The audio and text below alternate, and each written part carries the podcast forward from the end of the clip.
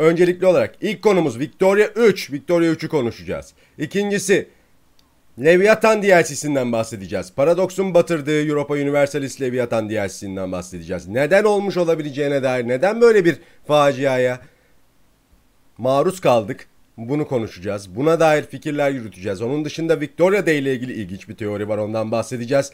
Bunun dışında Resident Evil Village biliyorsunuz Resident Evil 8. Buna bir göz atacağız. Bunun IGN'deki incelemesine böyle atlaya atlaya biraz bakalım istiyorum. Çünkü bence şahane bir inceleme yapmışlar. Oyuna dair eğer almak isteyenler varsa burada da biz de biraz katkıda bulunmuş olabiliriz. Benim hiç tarzım değil biliyorsunuz korku oyunları, gerilim oyunları çok fazla haz etmiyorum. Fakat izlemesini seviyorum. Ben de e, %90'lık kitleden herhalde oluyorum bu durumda. Ee, hoş geldin Aydemir, hoş geldiniz arkadaşlar. Metal Salak, hoş geldin. Teşekkürler Rot e, TV, Rot TV, e, Noiti Antep sen misin? Öyleyse hoş geldin. Değilsen de hoş geldin. Hoş geldiniz arkadaşlar.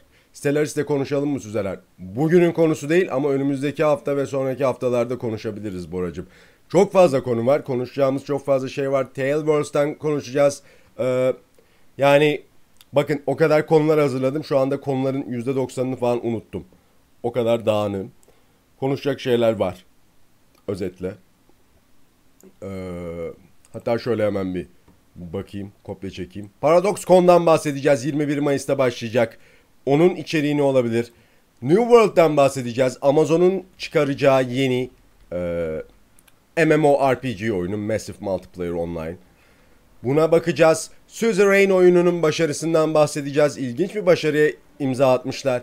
Ona bakacağız, onu değerlendireceğiz ve nihayetinde beklenen oyunlar, bu yıl çıkması beklenen oyunlara dair birkaç tane güzel derlediğimiz video var. Ben derlemedim veya biz derlemedik ama güzel derlenmiş. Hali hazırda videolar var. Onlara göz atacağız. Sonrasında da muhtemelen kapanışı yaparız. Bilmiyorum ne kadar sürer, ne olur, ne biter ama e, günün sonunda güzel bir akşam geçireceğimizi umuyorum. Umarım umduğumu bulurum. Siz de umduğunuzu bulursunuz arkadaşlar. Öyleyse Hı, yanlışlıkla şeyi götürmüşüm. Mobil değil mobil hesap bu. Okey. Okey. Hoş geldin. Ben de hiç sevmiyorum. İzlemesi zevkli oluyor ama değil mi? Korku oyunlarını. Evet, evet. Öyleyse Victoria 3 ile ilgili habere direkt bakalım. Victoria 3 ile ilgili haber. Bu haberin daha tarihi neymiş? Onu da belirteyim. 23 Nisan'da bu haber güncellenmiş en son. Wargamer.com üzerinde yayınlanmış bir haber.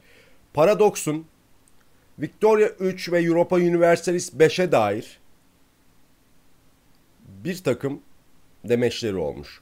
Hatta e, Johan Anderson yani Pinto Paradox Pin, Paradox Tinto'daki e, doğrudan stüdyo şefi bildiğim kadarıyla kendisi. Paradox Tinto ne diye sorarsanız şimdi size anlatıyorum.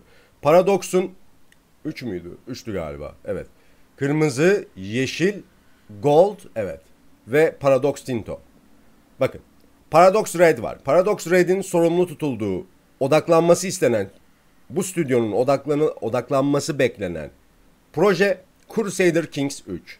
Bu adamlar yatıyorlar, kalkıyorlar, buraya içerik üretiyorlar. Hoş geldin Glanze, teşekkürler. Hoş geldin. Keyifler yerindedir umarım.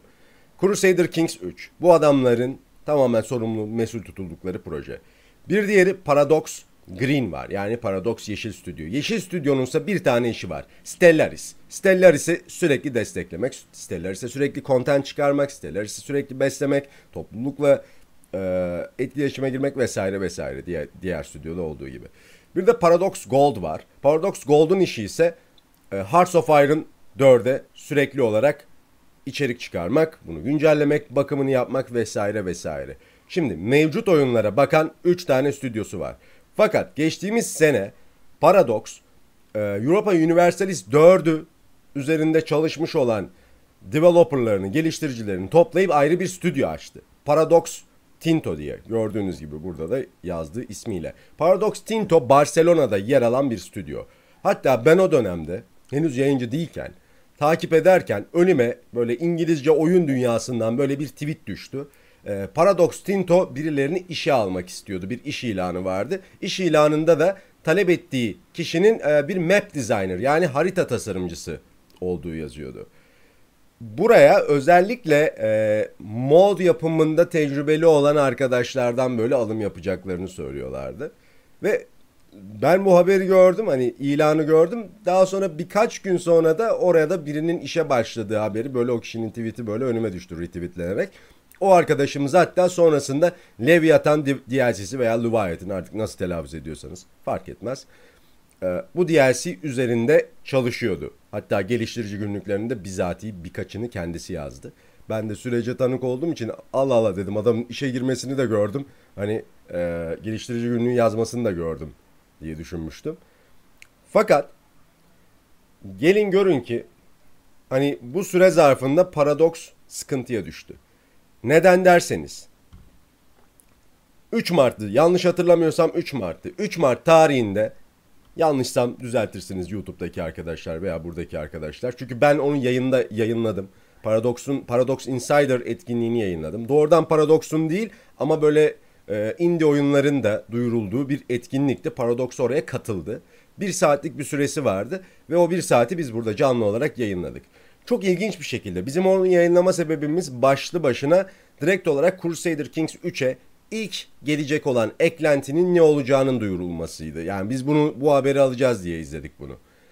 Fakat daha başlangıcında Paradox'un Crusader Kings 3 community, e, community şefi olan arkadaş biliyorsunuzdur belki böyle burnu piercingli falan böyle hafif toparlak e, sakallı bir arkadaşımız var.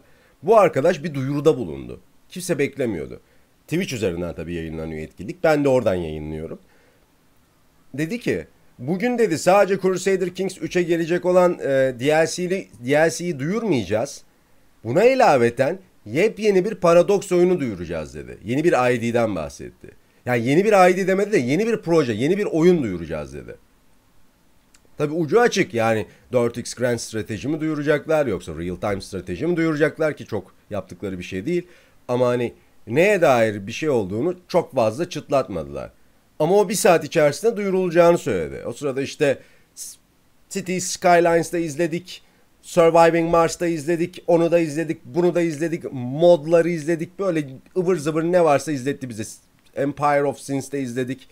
Bir sürü şey izledik. Sonrasında hatta Crusader Kings 3 e, announce yapıldı işte a, duyurusu yapıldı. Bir flavor pack geldiğini açıkladılar. Hatta buradaydın aynen e, Night Antep sen de buradaydın. Hatta o gün ilk kez gelmiştin çok iyi hatırlıyorum. Hani saçma sapan bir şekilde flavor pack çıkacak dediler. Bu arada Allah için çok güzel bir flavor pack çıkardılar. Ben Crusader Kings 3'e çıkan flavor pack'i gayet e, pozitif buluyorum. Çünkü eski flavor pack'lerine baktığımız zaman Paradox'un diğer oyunlarındaki veya Crusader Kings 2'ye getirdiği flavor pack'lere, DLC'lere baktığımız zaman bu böyle expansion paketi kadar böyle ağır kalan bir flavor pack'ti ki 13,5 liralık fiyatı da gayet makuldü özellikle biz Türk oyuncular için. Ona bir şey demiyorum ama o gün çok kızdım çünkü ben expansion paketi bekliyordum. Oyun çıkalı 6 ay geçmiş belki de 7. aya doğru giriyordu. Ama hani expansion gelmiyor, genişleme paketi gelmiyor. Neden hala flavor pack geliyor diye bayağı bir çıkışmıştım. Burada hatırlıyorsunuz. Hatta dedim ki Paradox sen bugün yeni bir düşman kazandın. Niyeyse öyle büyük büyük konuştuk o gün. Ee, bilemiyorum. Ama günün sonunda barıştık Paradox'la vesaire. Fakat ne oldu o yayında? Hatırlayalım. Ne oldu? Bekledik. Neyi bekledik? Anonsu bekledik. Yeni oyun ne olacak onu bekledik. Ya bekle bekle bekle bekle. Abi en sonunda etkinlik bitti. Bir saat süre doldu. Dediler ki biz artık kapatıyoruz gidiyoruz. Kapattılar ve gittiler. Yeni oyun dediler. Açıklamadan gittiler. O sırada Twitch chatine bakıyoruz yayının buradaki arkadaşlarla. Millet what the fuck man falan yazıyor. Böyle işte Victoria 3 çünkü herkesin istediği şey o onu bekliyorlar. Abi Victoria 2 çıkalı olmuş 14 sene 2007'de çıkartmışsın oyunu. Hani yeni oyun çıkaracağız diyorsun. Muhtemelen ona bir sequel yani devam oyunu gelecek. Herkes bunu bekliyor. Zaten yıllardır bu bekleniyor. Ben biraz daha Reddit'e gidip böyle derin dehlizlere dalınca çok şaşırdım. Mesela geçen bir önce iki sene önce e, ilk olarak Crusader Kings 3'ü anons ettiklerinde de o zaman da insanlar şaşırmışlar. Yani o zaman da Victoria 3 bekliyorlarmış. Haliyle. Çünkü Victoria 3 2007'de çıkmış oyun. Bir diğeri ise mesela Crusader Kings 2 2012'de çıkmış oyuna devam çıkarıyorsun. Hatta o sene içerisinde DLC'sini yayınladığın oyun. Yani Crusader Kings 2'nin hala daha DLC yayınlanıyordu 2019'da. O yüzden Crusader Kings 3 denince meh falan demiş hatta kitlenin bir kısmı. Ha gelin görün ki bana sorarsanız e, vanilya haliyle en bütünleşik çıkmış, en mekanikleri içinde çıkmış, en dediğim paradoks standartlarından bahsediyorum. Oyun gibi oyun olarak çıkmış fakat arayüz tasarımı olsun, e, oyun motoru olsun, Klaus, Klaus Weiss'in düzgün bir şekilde e, revize edilmesi, yeniden elden geçirilmesi oyuna yaramış. Canavar gibi şu an bence 4X stratejide çok fazla muadili olmayan bir arayüz tasarımına ve görsel e, renk paletine sahip diyebilirim. Tasarıma sahip diyebilirim. O yönden amenna. Fakat o gün bunu yayınlamayınca, bu duyurmayınca yeni gelen oyunu, yeni gelecek olan oyunu, chatte de insanlar böyle neler oluyor falan filan moduna girince yayının admini kalktı ve şunu dedi. Ee, arkadaşlar 21 Mayıs'ta biliyorsunuz Paradox.com var. Orada açıklanacak. Bunu yazdılar, paldır küldür kapattılar gittiler. İnsanlar da tilt oldu. Yani e, sürekli insanların hype'ını sömüre, sömüre, sömüre, sömüre bir hal oldu Paradox. Şimdi buradaki esas başlangıç noktamıza gelecek olursak neden bunları anlattım? Bakın 23 Nisan'da yayınlanan habere göre hani neyin üzerinden gidiyorsunuz, ne yapıyorsunuz sorusuna diyor ki we have discussed and planned pretty much sequel to. Diyor ki elimizde bugüne kadar çalışmış olduğumuz Anderson beyefendi, kendisi dediğim gibi Paradox Tinto'nun e, şefi, menajeri yani yöneticisi, müdürü. Kendisi diyor ki bugüne kadar çıkartmış olduğumuz her bir ID'ye yani her bir oyuna sequel, devam oyununu hali hazırda düşünüyoruz zaten. Hepsini planladık diyor. Ama hani her şeyden her şeyi düşündük ettik diyor da arkadaşlar yani Sengoku 2'den Victoria 3'e hatta ve hatta Europa Universalis 5'e kadar hepsini düşündük diyor. Abi Sengoku ne? Yani ben biliyorum ne olduğunu. Alın bu. Game de yazmanız lazım çıkması için. Bu. Paradox'un 2011 yılında çıkarttığı bir Grand strateji oyunu. Tamamen feodal Japonya'yı konu almış bir oyun.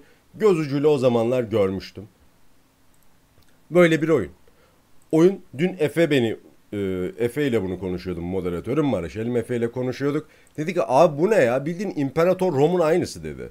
O dedikten sonra biraz daha dikkatli baktım. Yani harita falan aynı ya. Nasıl bu 2011'de Rom 2019'da çıkmış bir oyun. Yani hakikaten tamamen aynı motorun üstüne falan yapmışlar. Bu kadar tembel, bu kadar e, savsaklayarak sırf hani Roma ekmeği yiyelim diye 2011'de çıkarttıkları oyunun üzerine oyun yapmışlar gibi duruyor İmparator Rom'da.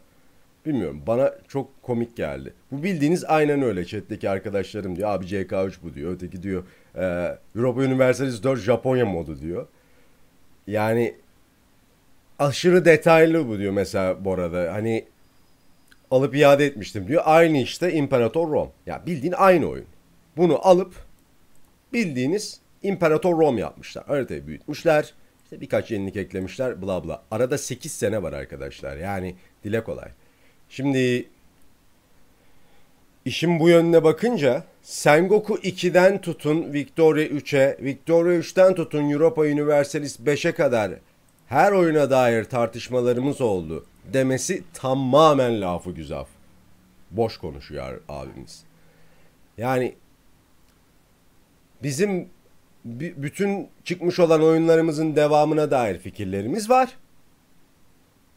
Bir de çıkmamış, henüz çıkmamış ama çıkartmayı düşündüğümüz oyunlara dair de fikirlerimiz var diyor. Abi benim de bir sürü fikirlerim var. Yani 10 milyon dolarım olsa onunla neler yapacağıma dair pek çok fikrim var. Ama 10 milyon dolarım olmayacak mesela. Yani bomboş bir demeç gerçekten. Tabi burada biraz gergin bence abimiz çünkü 23 Nisan henüz şey çıkmamış. Henüz Lev Leviathan, Leviathan DLC'si henüz çıkmamış. Ne kadar rezalet bir şey çıkacağının az çok farkında olsa gerek. Çünkü bu arkadaşların stüdyosu çıkardı arkadaşlar. Paradox Tinto çıkardı Le Leviathan'ı. Yani e, diğer diğer diğer birimler çıkartmadı. We talk about secrets, for everything and people have talked about ideas everything we've done. And we have ideas for games. Az önce bahsettiğim husustan bahsediyor.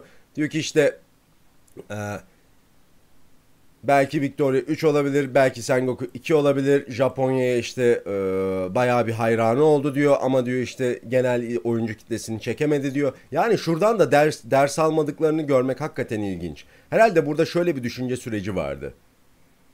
Yani direkt şunu düşündüler. Ya Roma işte kardeşim çok fazla geek'i var, çok fazla seveni var. Ben bunu yapıştırdığımda her türlü bu adamlar alacak. Ya öyle olmadı işte. Bir önceki yani o zaman çorba yoktu. Çorba hatta belki de e, çorba kontentini doğuran şey o yayındı. O gün burada ben bayağı sinirlenmiştim. Bir şeyler tartışıyorduk oyunla ilgili. Paradoksa sinirlenmiştim. O gün burada bir video izledik. Yani paradoks oyunlarının her birinin an be an gün be gün en fazla ne kadar Steam üzerinde aktif iz- oyuncuya ulaştığının böyle infografiği vardı. Gün gün akıyordu böyle time, time lapse halinde. Orada görmüştük. Yani o kadar kötü bir başı ya kötü bir anı ki bu paradoks için İmparator Rom. Hani Crusader Kings 3'ün gelip bildiğin şirketi böyle kurtarması gibi bir durum söz konusu olmuş bir sonraki sene çıkardıkları oyunun. Şimdi de yine Paradox belki o boyutta olmasa da kendi benzer bir sorunun içine sokmuş gibi gözüküyor.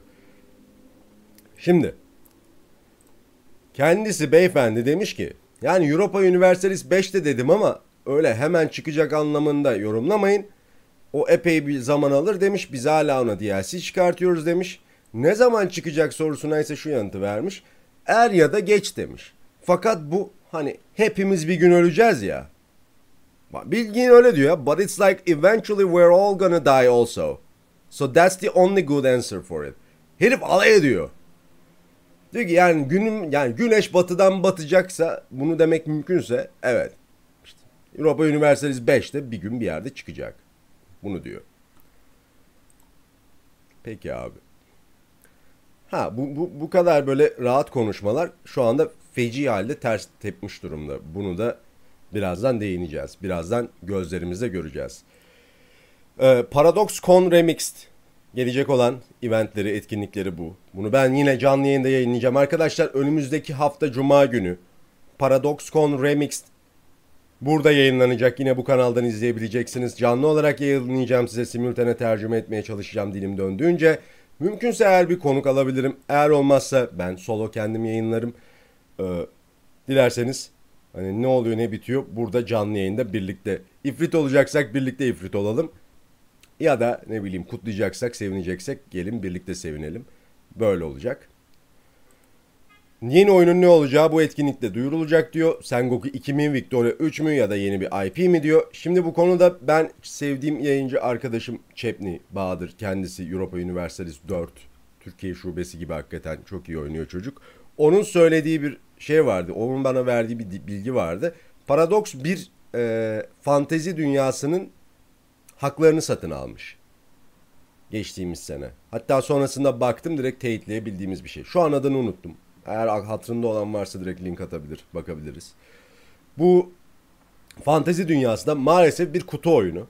Ve biliyorsunuz Paradox oyunlarını kutu oyunlarından yapıyor. Özellikle 4X Grand stratejilerin hepsi kutu oyunlarından bozma. Yani eğer World of Darkness, okey. Teşekkürler kaptan buldu hemen.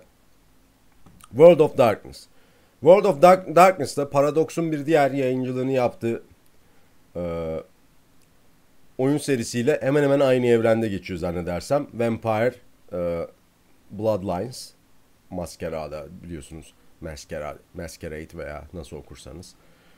Bu o da bir türlü çıkmayan bir oyun. Bu arada ona dair hiçbir şey göstermediler bir önceki Insider'da. O da ayrı bir facia. İnsanlara ön sipariş sattılar.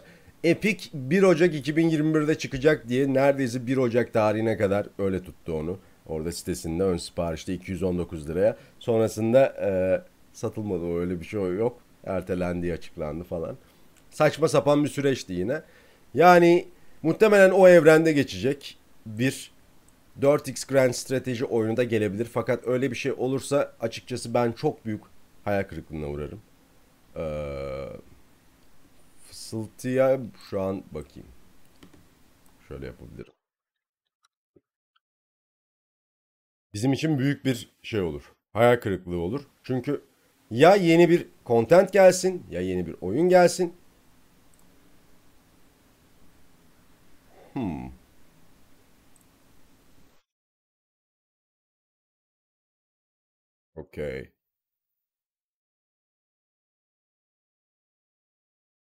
Okey. RTX'im açık aslında ama ilginç.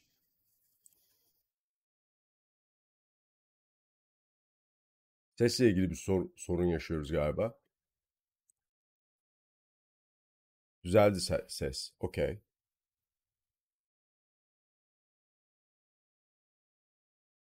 Okey. JK3 tema nedir bu arada?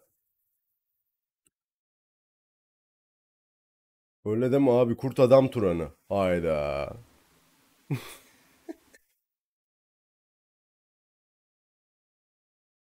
Ya 4x ha? Yayın başlığı mı? Aa evet neden? Böyle. Uf ya.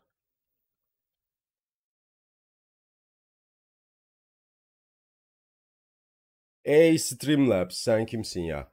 Pardon arkadaşlar. Maalesef şeyin azizliğine uğradık uygulamanın. Çok teşekkürler Atan Hocam uyardığın için. Ben göremedim. Sen gördün. Eyvallah. Okey ayarladık. Sorun yok. Şimdi yani high fantasy dünyasında ben bir 4X strateji açıkçası çekemem. Benim o kadar ilgimi çekmiyor. Ben Yüzüklerin Efendisi serisi vesaire bilim fantasy dünyası, bilim kurgu bunların hepsini seven, bunların oyunlarını tüketen bir insanım. Ama bunların oyunlarını ben başlı başına ayrı şirketlerden 4X olmayan versiyonlarını tüketmek veya action RPG olarak bir Witcher, Witcher evrenine girmek ya da direkt bir rol yapma oyunu olarak Skyrim evrenine girmek Bethesda oyunlarını deneyimlemek bunları daha çok tercih ederim. 4X strateji paradoks böyle bir şey çıkartırsa ne kadar başarılı olur bilemiyorum. Bilmediğim için söylüyorum yoksa başarılı olur olmaz babında anlaşılmasın. Umarım düzgün bir şey çıkar. Fakat böyle bir olasılık olduğunda biraz tadınızı muhtemelen kaçırmıştır. Onu söylemiş olayım arkadaşlar. Bilemiyorum dediğim gibi. Bir diğer habere geçelim. Bakın Paradox stüdyoları 3 ayrı bölüme ayrıldı 1 Mayıs'ın haberi. Ve bu 3 ayrı birim az önce bahsettiğim şeydi aslına bakarsanız. Bu 3 ayrı birimde farklı farklı işler yapıyor. Size dramatik olan kısmını göstereyim arkadaşlar. Bu 3 stüdyonun hiçbirisi artık Imperator Rom üzerinde çalışmıyor. Rock Paper Shotgun'ın haberi. Bu üzücü. Yani ben Imperator Rom'u oynamak istedim. Özellikle yayıncılığa başladıktan sonra gittim bir, bir süre sonra CK3 oynadık oynadık oynadık. Burada hani geçişken de bir kitlemiz oldu. Ya bunu oynasak böyle sarar mı? Ben de Roma'ya meraklıyım falan. Ben de düştüm o Zoka'ya tamam mı? Oha ya Roma Moma diyor dedim. Atladım. Gittim abi indirimdeydi yılbaşı zamanı satın aldım oyunu. 30 lira mı neydi? Açtım. Dedim ki ben bunu yayında oynar mıyım? Tabii öyle bakıyorum ister istemez. Açtım bakıyorum. Abi tutorial diye bir şey koymuşlar. Hani adımı soyadımı unutarak çıktım içinden. O kadar karışık, o kadar salakça, o kadar darmadağınık bir şey ki. Yani bunu normal bir insanın böyle açıp anlamasını bırak, oynayıp keyif alması mümkün değil. Normal bir insanın diyorum bakın, normal bir insanın.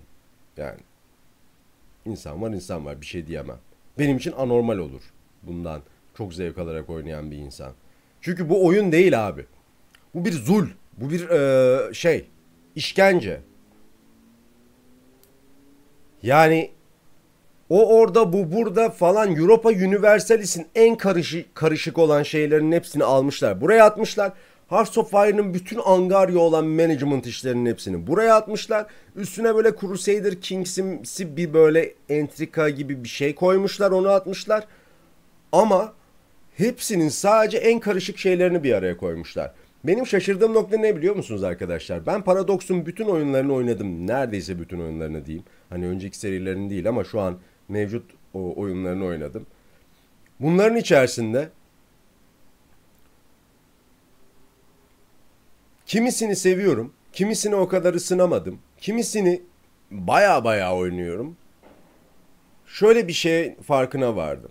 Paradoksu sevin sevmeyin. Oyunlarını beğenin beğenmeyin. Adamların yaptıkları çok iyi bir iş var. Adamlar Ubisoft'laşmıyorlar. Ama hangi konuda? Şu konuda. Her bir oyununun oynanışı birbirinden farklı oluyor. Yani bir Stellaris oynuyorsun. Stellaris'i çok iyi oynuyorsun diye gidip Europa Universalis'i çok iyi oyna, oynayamazsın. Europa Universalis'i çok iyi oynuyor olman asla ve asla Crusader Kings 3'ü çok iyi oynadığın anlamına gelmez. Crusader Kings 3'ü çok iyi oynuyorsun diye gidip Hearts of Iron'ı çok iyi oynayamazsın. Bunların hepsi 4X Grand Strateji kategorisinde oyunlar ama o kadar farklı, birbirinden farklı diyebileceğim mekaniklere sahipler ki oynanış olarak. Birisi RPG oyunu gibi bir şey. Tabii Crusader Kings'ten bahsediyorum. Bir diğerisi bir, bir diğeri e, Stellaris tamamen böyle galaktik, daha kozmik ölçekte düşündüğün, daha böyle gerçek zamanlı stratejiyi andıran bir 4X Grand strateji diyebilirim. Savaşların vesaire görsel olarak da çok tatmin edici olması. Tall play'e müsaade etmesi oyunun. Bence bana sorarsanız ben Crusader Kings 3'ün çok fazla yayınını yapmış bir yayıncıyım. Daha yakın zamanlarda Stellaris ile tanışma fırsatım oldu. Stellaris bence Paradox'un benim oynadığım oyunlar arasında çıkartmış olduğu en iyi oyun. Bunun altını çizeyim. Fakat Europa Universalis'e bakıyoruz. Europa Universalis'te başka bir oynanış var. Orada bir ulusu alıp bir ulusu alıp işte e, harita boyamak veya işte gidip kolonileşmek bu gibi şeyleri bize yapmaya müsaade tanıyor. Daha diplomatik bir savaş veriyoruz orada. Daha e, bizi limitliyor, zor. Bizi hata yaptığımızda geri dönüşümüzün olmadığı bir oyun. Ayrı bir mekaniği var. Ama Hearts of Iron keza direkt savaş stratejisi oyunu. Fakat Hearts of Iron'a ben mesela hiç ısınamadım. Nedenini ise söyleyeyim. Sürekli e, çok metası var oyunun. Çok meta. Yani e, bir kere arayüzü facia. Onu geçiyorum. Onu geçiyorum. Crusader Kings 3'e kadar bence Paradox'un hemen hemen tüm oyunların arayüzleri facia. Resmen facia. Stellaris yayını gelecek. Bir noktada gelecek. O nokta bu nokta değil ama yakında gelebilir. Öyle söyleyeyim. Kesinlikle yayınlamak istediğim bir oyun. Sadece şu anda kendi kendime oynuyorum. Biraz kendi kendime tadım, tadını çıkarıyorum. Bir süre sonra onu birlikte tadını çıkaracağız. Ee, yani Paradox'un oyunları birbirinden farklı. Hearts of Iron'da sevmediğim kısmı söyleyeyim. Sürekli tankın yok şu zımbırtısını da bas, bunu da bas, şunu da bas vesaire. Hani beni sarmıyor o kadar mühimmattır bilmem. Ben öyle geeky değilim böyle bilmem ne tankı yok şu uçak savar, şu gemi, şu denizaltı falan. Beni sarmıyor. Ben daha çok olayın toplumsal, daha sosyolojik, daha insani veya daha muharebeyi ilgilendiren kısmını sevdiğim için oralarda beni kaybediyor oyun. Ama zevkler, renkler. Sevenine saygı duyuyorum sonuçta. Ee, çok başarılı bir oyun. Hearts of Iron 4. Ona bir şey diyemem. O mesela o da beni sarmıyor. Yani farklı farklı oynanışları var Paradox'un oyunlarının. Peki bunu neden anlattım? Çünkü İmparator Rome'da bu yok. Çok ilginç bir şekilde. Paradox'un bütün oyunlarında dediğim gibi sevin ya da sevmeyin bambaşka gameplay var. Bambaşka bir oynanış var. Ya benim burada izleyicim var. Mesela Nightblade var. Ee, Nightblade diyor ki ben Stellaris ve Europa Universalis'i e, oynuyorum, seviyorum. Çok fazla saatim var. Oynayabiliyorum. Ama diyor işte Crusader Kings'te de ben alışamadım diyor mesela. Halbuki Crusader Kings'te e, çok daha kolay bir oyun diğerlerine göre. Üçten bahsediyorum, ikiden değil. Yani sıfırdan içine girmek için. Yani Paradox'un bir tane oyununu çok iyi oynuyorsun diye diğerinde çok iyi oynayacaksın veya diğerinden de hemen hemen aynı şeyleri alacaksın diye bir şey yok. Başka başka oyun yapıyor bu adamlar. O konuda helal olsun dediğim bir şirket. Fakat İmparator Rome'da bu durum olmamış. İmparator Rome Hearts of Iron'dan biraz almış, Crusader Kings'ten biraz almış. Ee, öte yandan Europa Universalist'ten bayağı bir almış. Bunların hepsinin en zor challenge şeylerini iç içe katmış ve bize bir çorba çıkartmış. Fakat bu çorba yenecek gibi değil, içilecek gibi değil. Tam bir bulamaçtı. Dolayısıyla dünyada paradoks oyunlarını özellikle Europa Universalist'i en iyi oynayanlardan birisi olan Twitch yayıncısı Flory Worry. Flory Worry bu oyunu açtı. Yani bir saat falan baktı dedi ki ben bundan hiçbir şey anlamıyorum dedi kapattı. o adam açıyor e, Pontus Rum'la hiç borç harç almadan müttefiksiz İstanbul'u falan fethediyor. Öyle bir adam, öyle bir challenge bağımlısı. Adam bu oyunun menülerini geçemedi daha. ha sonra ne oldu? Ele aldılar. DLC'ler çıkarttılar falan filan iyice bozdular ama sonrasında Marius 2 diye update çıkarttılar. Biz bu işe el atacağız dediler. Biz bunu düzelteceğiz dediler. Hakikaten de arayüzünü epey bir düzeltmişler. Fakat bunun öncesinde size onu da anlatayım da. Laf lafı açıyor. Selamlar Şabiyon Bilgi Adam hoş geldin.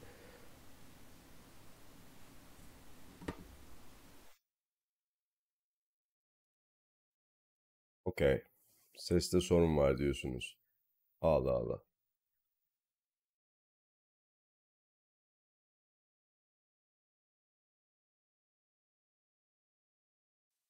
Ses. Ses. Şu an var mı sorun? Aynı şey devam ediyor mu arkadaşlar? Demin de düzeldi dediniz ama demin düzelmemiş. Bazen geri geliyor. Ne gibi şeylerde mesela? Hmm, başka ekrana geçince mi düzeliyor?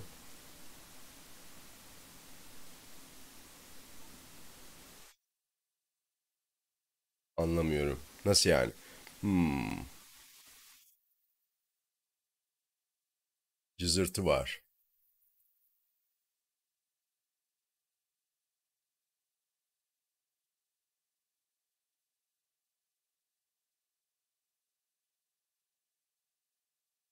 Allah Allah ya. Hmm, his sesi geliyor. Okey.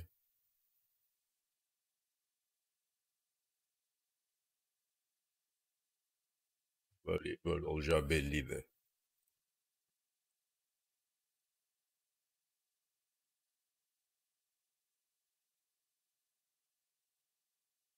Hmm,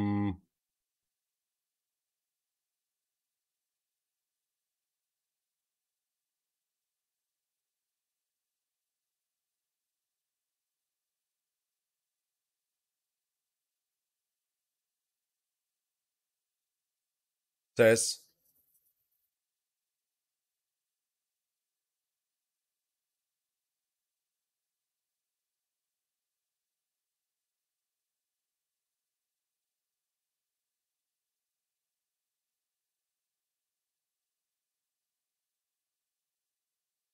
Geçenlerde e, Nvidia RTX'e bir update geldi. Ondan sonra ses ayarlarım bozuldu. Ben yeniden ayarlamak zorunda kaldım ama bir şeyleri becerememişiz herhalde. Ekranı Chrome'a alınca geliyor. Şu an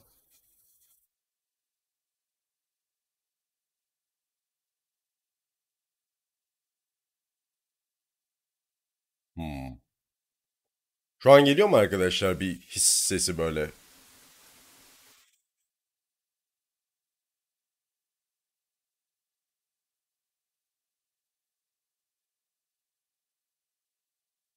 Yok değil mi? Şu an düzeldi.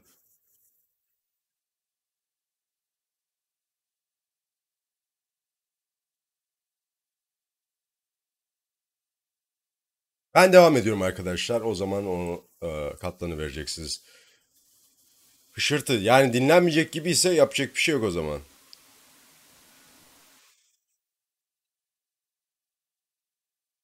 Okey.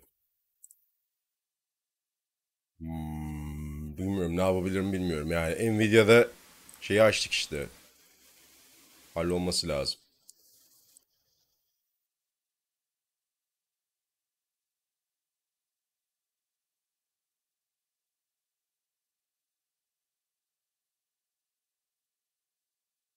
Hmm.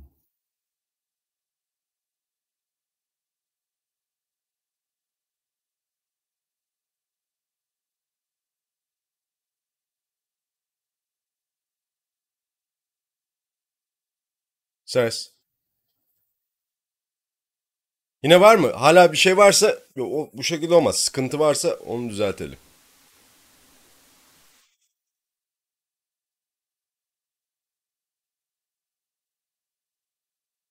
O, o şekilde yapmayalım işi. Düzelene kadar uğraşalım. Çünkü aksetmemesi lazım izleyiciye.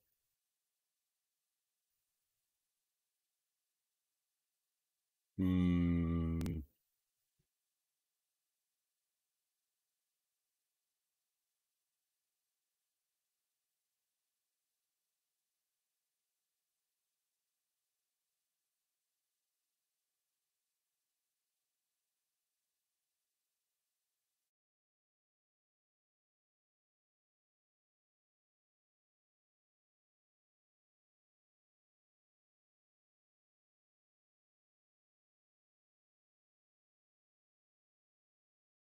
Şimdi nasıl? Hala var mı? Şu anda hala e, o his sesi geliyorsa onu bana bildirirseniz iyi olur.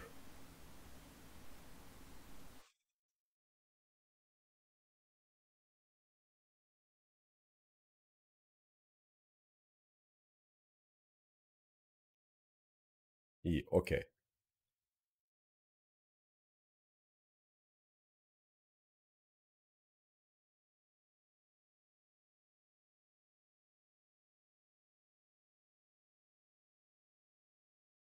Yapacak bir şey yok o zaman. Ee, özetle durum bu. Paradox'un e, İmparator Rom üzerinde çalışmayı bıraktığı haberi size aktaracağım haber buydu. Maalesef yazık oldu. Dediğim gibi kendi kimliğini bulamamış bir oyun. Potansiyeli varken potansiyelini e, hiçbir şekilde vaat ettiklerini hayata geçirememiş bir oyun. Muhtemelen de bundan böyle geçiremeyecek. Çünkü gördüğünüz gibi Paradox vazgeçmiş. Marius 2 update'i bir şeyleri değiştirecek gibiydi. Fakat Marius 2 update'inin geri dönüşü de hiç bekledikleri gibi olmadı. Onlar da çareyi burada buldu. Bunda buldular. Yani vazgeçmekte buldular. Diğer habere geçelim. Diğer haber Leviathan DLC'si. Leviathan DLC'si tamamen bir başarısızlık. Yani hiçbir şekilde vaat ettiklerini yerine getiremedi. Devasa bir DLC çıkacak dediler. Fakat bahsettiklerinin çoğu oyunu bozdu. Şu anda pek çok arkadaş bana yazıyor. Bilmiyorum. Ben soruyorum, soruşturuyorum bu oyunu bilen arkadaşlara, oynayan arkadaşlara ama yani pek çoğundan aldığım geri dönüş rezalet olduğu yönünde. Bu oyun şu anda Steam tarihinde gelmiş geçmiş en düşük nota sahip olan DLC. Gelmiş geçmiş en düşük nota sahip olan DLC Leviathan. Steam'in tüm tarihinde. Bu bize bir şeyler anlatıyor. İnsanların save'leri yanmış. Baya yıllardır böyle aylardır oynadıkları save'lerin hepsi falan DLC indiriyorlar ve artık kullanılamaz hale geliyor. Durum bu. 1506 yılına gelene kadar mesela Efe Şele yine benim Maraşelim olan arkadaşım o oynadığında direkt kendi save'inden örnek verdi. Abi dedi geldim 1506'ya geliyorum crash veriyor oyun. Çöküyor dedi. Ve Efe yalnız değilmiş. Ben ufak bir Reddit araştırması yaptığımda herkesin aynı şekilde çökme aldığını gördüm. Aşırı derecede garip. Yine aynı adam. Demin çok özgüvenle konuşan abimiz vardı ya Johan Anderson. Paradox Tinto'nun yöneticisi ve oyun yönetmeni. Johan Anderson özür dilemiş. Demiş ki Leviathan en kötü çıkış yapan içeriklerimizden biriydi. 2018'de Golden Century ile başlayan ve uzun süredir devam eden düşük kalite içeriklerimizi takip etti. Yani batırdık diyor ve biz yıllardır berbat içerik çıkarıyoruz diyor bu oyuna. Bunun da farkındayız diyor. O yüzden kusura bakmayın diyor. Biz de böyle diyor. İşinize gelirse diyor. Ben böyle yorumluyorum. Bilmiyorum. Siz nasıl yorumluyorsunuz arkadaşlar? Yani e, stüdyo yöneticisi ve oyun yönetmeni olarak günün sonunda bu benim sorumlumda ve bu yüzden özür dilemek zorundayım. Tamamen benim hatam. Ya iyi hoş da kardeşim. Ne olacak bu insanların giden diğer e, giden save'leri falan ne olacak? Ya tamam oyun bu. Yeniden başlanır. Bir şekilde yine oynarsın ama şu an hala da oyun oynanabilir durumda değilmiş. Yani bunun nasıl mümkün olabildiğine dair açıkçası hiçbir fikrim yok. Ama bir teorim var. Dilerseniz ondan bahsedelim biraz. F- Fix güncelleme gelmiş bir düzeltmek için. 1.31.3 yaması önümüzdeki hafta geliyor diyor. Bakın herhangi bir oyunda böylesine saçma salak bir şey görürseniz bilin ki o oyun exploit yapıyor. Kitlesini sömürüyordur. Abi bir oyunda 1.31 olur mu ya? 1.31 sürümü nedir? Çok güzel eğlendireceğiz. 1.31.3 nedir abi? Nerede EU5?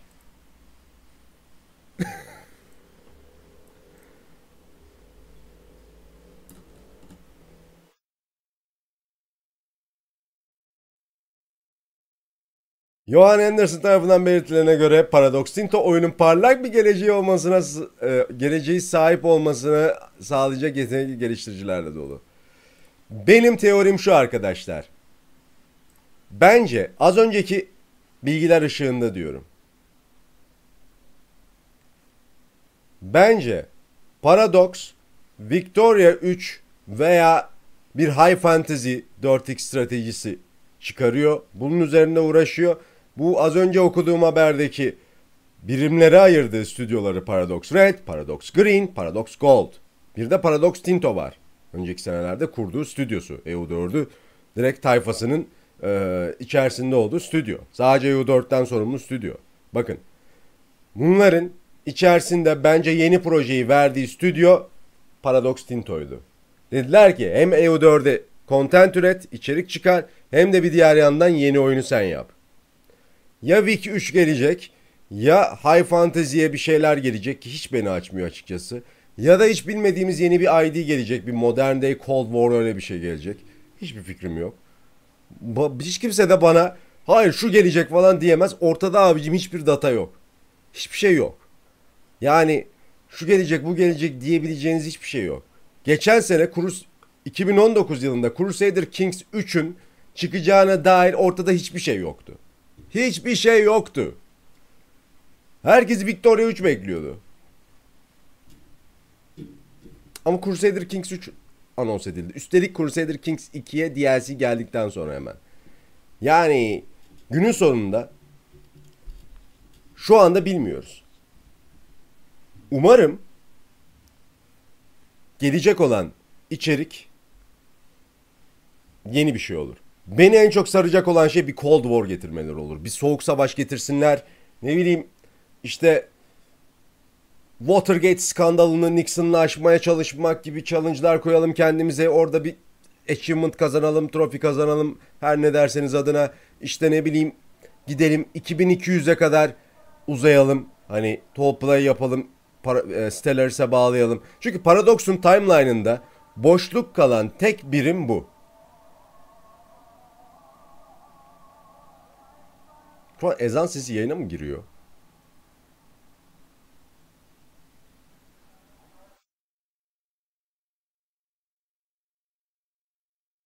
Ona göre camı kapatacağım.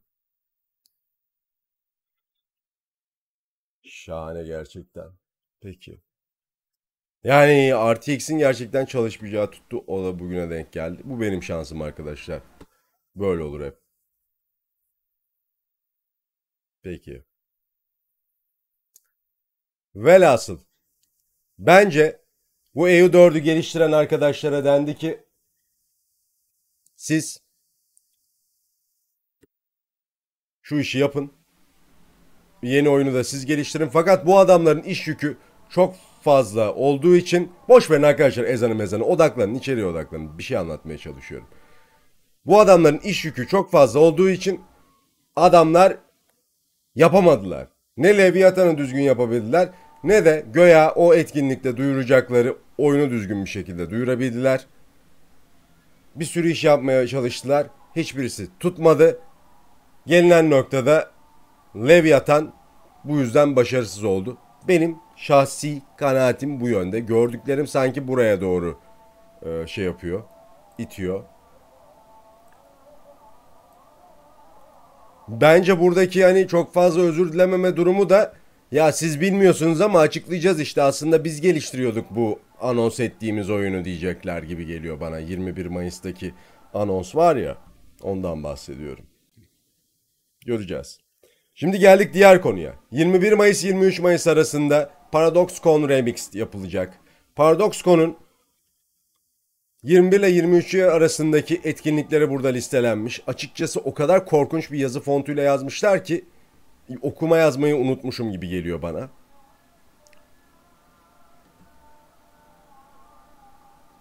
Böyle de bir timeline var. Yani bunu gerçekten bu herhalde bu bu sayfayı herhalde Hearts of Iron 4'ün arayüzünü tasarlayan arkadaş tasarladı. Bana öyle gibi geliyor. Başka bir açıklaması olamaz. Bok gibi çünkü. Hiçbir şey anlamıyorum.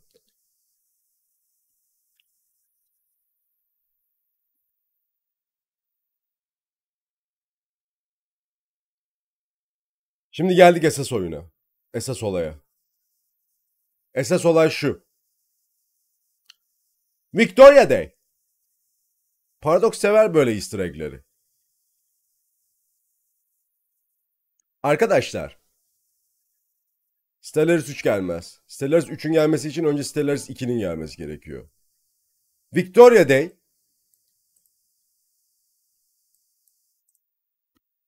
Kraliçe Victoria'nın doğum gününün kutlandığı gün. Kraliçe Victoria'nın doğum günü Kanada'da ulusal tatil ilan ediliyor. Her sene. Ve bu sene Victoria Day 24 Mayıs'a denk geliyor. Paradox'un etkinliği 21 ile 23 arası. Yani doğum günü de o hafta boyunca kutlanıyor. Paradox e, e, Kanada'da ulusal tatilmiş bu. Acaba e, 20'li Mayıs'lara hani 20'sini ve 21-23 arasında hani duyurulacak şeyi bir Victoria 3 yapıp böyle öyle bir easter egg'le kalbimizi çalarlar mı bilmiyorum. Bu tamamen bir fantezi, bu tamamen bir şey komplo teorisi. Ben denk geldim buna internette araştırırken. O şekilde denk geldim. Hatta geçtiğimiz sene direkt 21'inde kutlanmış Victoria Day. Her sene takvim atlamasıyla bir iki gün ileriye sarıyor. Victoria Day özetle yani Victoria 3'ü duyuracaklarsa herhalde bundan daha güzel bir günde duyuramazlar. O da hani 21-23 arası bilmiyorum 24'ün o şekilde yedirmiş olabilirler mi? Tamamen farazi bir şey ee, bu. Goy goy. Hoş geldin Hüseyin.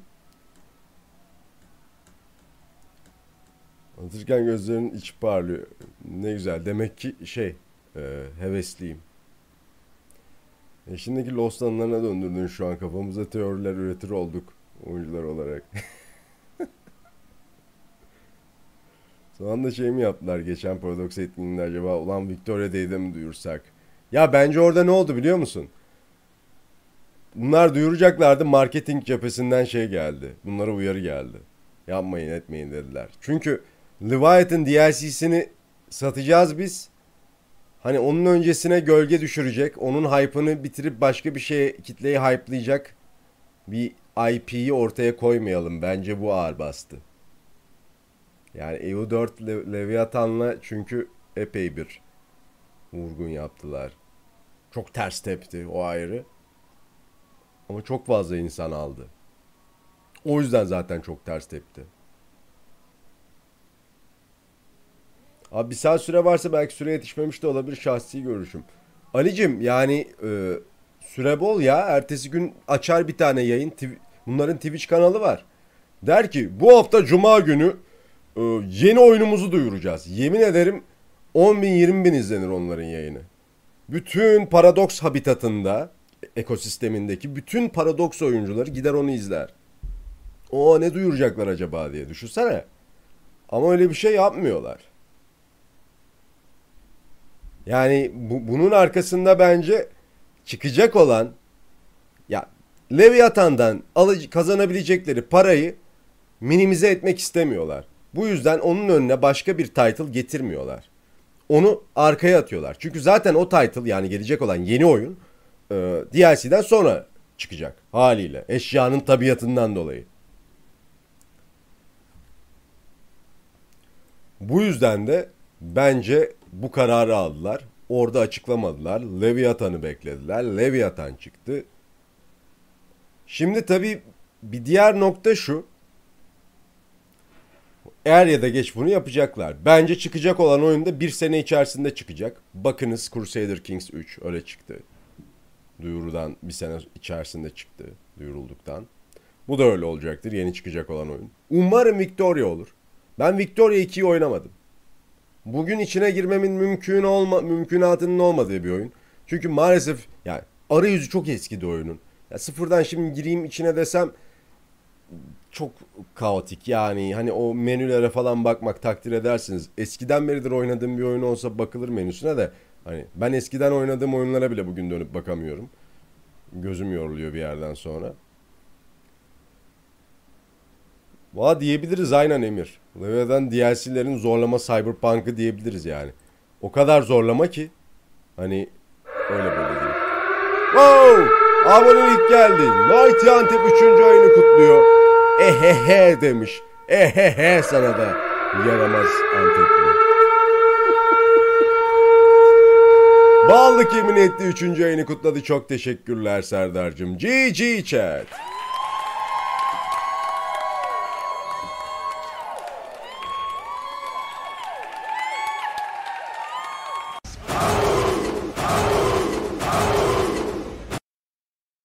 Rozet yakıştı. Hayırlı uğurlu olsun. Altın oldun artık. Velhasıl Victoria 3 çıksın oynayalım. Modern savaş çıksın, soğuk savaş çıksın oynayalım. Deliler gibi oynayalım. Gidelim Türkiye ile tall play yapalım. Adnan Menderes'le falan oynayalım.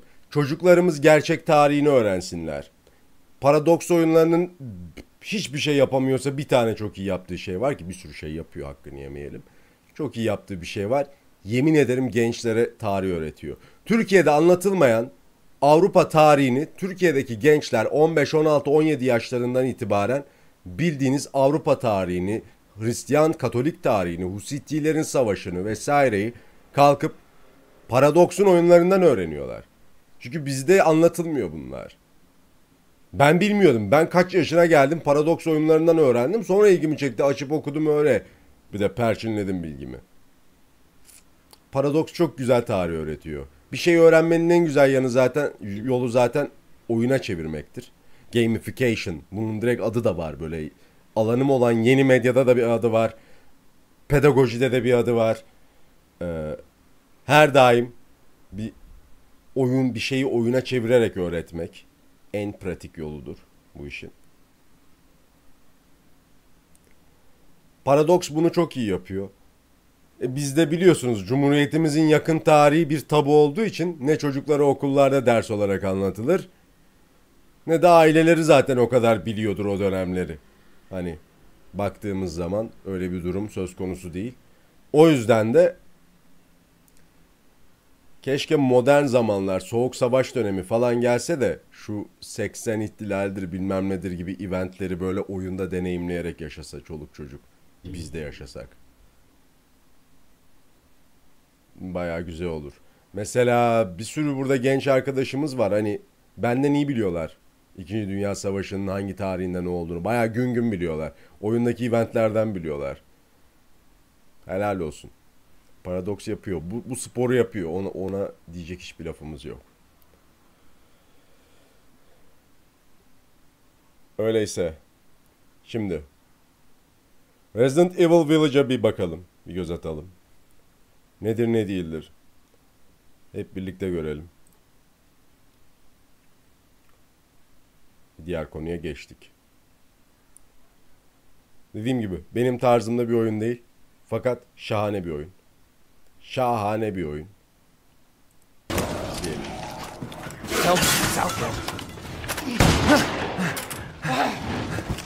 Hey, are you listening? Hey! As soon as I arrived in Resident Evil Village's sinister rural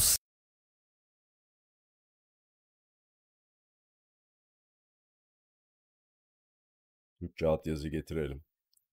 Translate setting, its Resident Evil 4 influence reared its snarling head. It's an intense welcome that serves as a fantastic flashback to the opening of Shinji Mikami's magnum toting magnum opus and one made all the more frantic in first person perspective. Resident Evil. Village might not break much new ground in its own right, but it successfully grafts Resident Evil 4's best action elements into the series' more modern 280 form established in. Resident Evil 7, making for a genuinely 28 engrossing and increasingly combat-heavy continuation of the Ethan Winters story.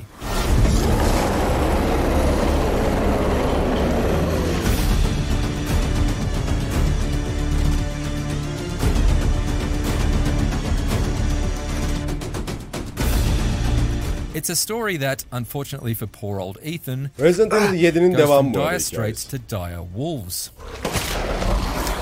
Dragged to hillbilly hell and back in an effort to rescue his wife in Resident Evil 7, Çok tuzlu çok. he now finds himself dropped into a distinctly Transylvanian type of terror in Village. Oyunun içerisine kurt adamlar ve vampirleri yedirdiler. Bunu nasıl yaptıkları önemli ama başarılı şekilde yapmışlar. And although anlaşılan. admittedly none of them managed to conjure up the same kind of genuine İnanılmaz tasarımlar var arkadaşlar. Yani şunların 7, hepsi şaheser. I found a lot of them to be entertainingly twisted in a slightly cartoonish Batman villain kind of way. Lycans and gentlemen. Each presides over their own visually distinctive Gördüğünüz domain gibi that you Lady must Dimitrescu. survive, with noticeable shifts in mood between Bakın mekanı görüyorsunuz değil mi? Benim bu oyunda en çok hayran kaldığım şeylerden birisi mekan çeşitliliği ve ambiyans oldu. Oynamadım ama izledim. Ve yani hiç Resident Evil oyunu gibi değil açıkçası. Mesela Resident Evil 7 çok seviliyor anlayabiliyorum. Ben de böyle yayında abone hedefimizde oynadım. Yani hani beni çok sarmadı. İlk yarısı biraz korkunçtu da ikinci yarısı böyle aksiyon oyunu gibi bir şeydi benim için. Bir de hep aynı mekanlarda falan beni sıktı biraz. Hep bir binanın içinde geçiyor olay gibi. Şimdi buna bakıyoruz. Baksanıza şuraya. Bir kere Village'e gidiyoruz. Bir köy var ortada. O Resident Evil 4'ü oynamış olanlar bilir köyü. Böyle bir köy var. Orayı keşfediyoruz. Orada bir sürü hikayeler var. Orada bir sürü e, yan görevler var. Challenge'lar var. Onları yapıyoruz. Orada ayrı ayrı zorlukta çok farklı çeşitli düşman geliyor. Onun dışında böyle bir yer var mesela. Yani muhteşem bir ambiyans. Şuna bakın. Bunun gibi pek çok farklı mekan tasarlanmış ve hepsi top level, en üst seviyede böyle sizi atmosfer atmosferin içine sokuyor. O atmosferiyle ortamın içine sokuyor. Valla ben takdir ettim. Ali yazmış demiş ki abi buradaki dev kadına anlamsız şekilde herkes hayran kalmış. Sebebi nedir bilmiyorum bilen var mı? Ben biliyorum. O dev hanımefendi işte Lady Dimitrescu kendisi vampir. Bunu tasarlayan arkadaş e, tasarımcısı. Ben hatta o gün tweet benim önüme düştü Twitter'dayken. Tasarlayan arkadaş herhalde Capcom'dan izin almış. Demiş ki bunu yayınlayabilir miyim? Tasarımı yeni bitmişti o gün. Yayınladı onu internette. Ve hani bence Capcom kesinlikle işin buraya varacağını öngöremedi. Yani adam bayağı iyi bir şey çıkartmış. Şimdi kaç? 9 feet mi ne? Kadının boyu. Bilmiyorum kaç 3 3 küsür metre mi yapıyor? Ne yapıyor? Öyle bir şey. Hani orada kadının boyu işte fiziksel özellikleri e, kalçaları vesaire bir de böyle işte ten rengi olsun şu olsun bu olsun. Aşırı derecede sardı. Özellikle gençleri çok sardı. Ve kadın anında mime dönüştü. Yani karakter direkt meme oldu internette. Bu fanteziler onlar bunlar reddit medit inanılmaz. Şimdi bunu bence Capcom öngöremedi. Japonlar biraz farklı düşünüyorlar. Bunu öngöremediler. Ve bence oyunun önüne geçti bu. Yani oyundaki final boss'u değil arkadaşlar o. 2.92 evet. Doğru diyorsun Flynn. Yani çok şey. Ee, aşırı derecede meme oldu. Çok tutuldu. Ve bence bunu öngöremediler. Ve oyunun bu oyun belki de 10 üzerinden 9'luk falan bir oyun. Belki 10'luk bir oyundur. Oynayarak görülür. Ama bu oyun 10 üzerinden 8'i böyle çok fazla yerden aldı. Ya böyle neyini beğenmedin diye soruyorsun herife. Bilmiyorum ya bir şeyler olmamış diyor. Bence sorun şuydu. Oynayanlar özellikle şunu fark ettiler. Lady Dimitrescu hani oyunun başında bir süreliğine var.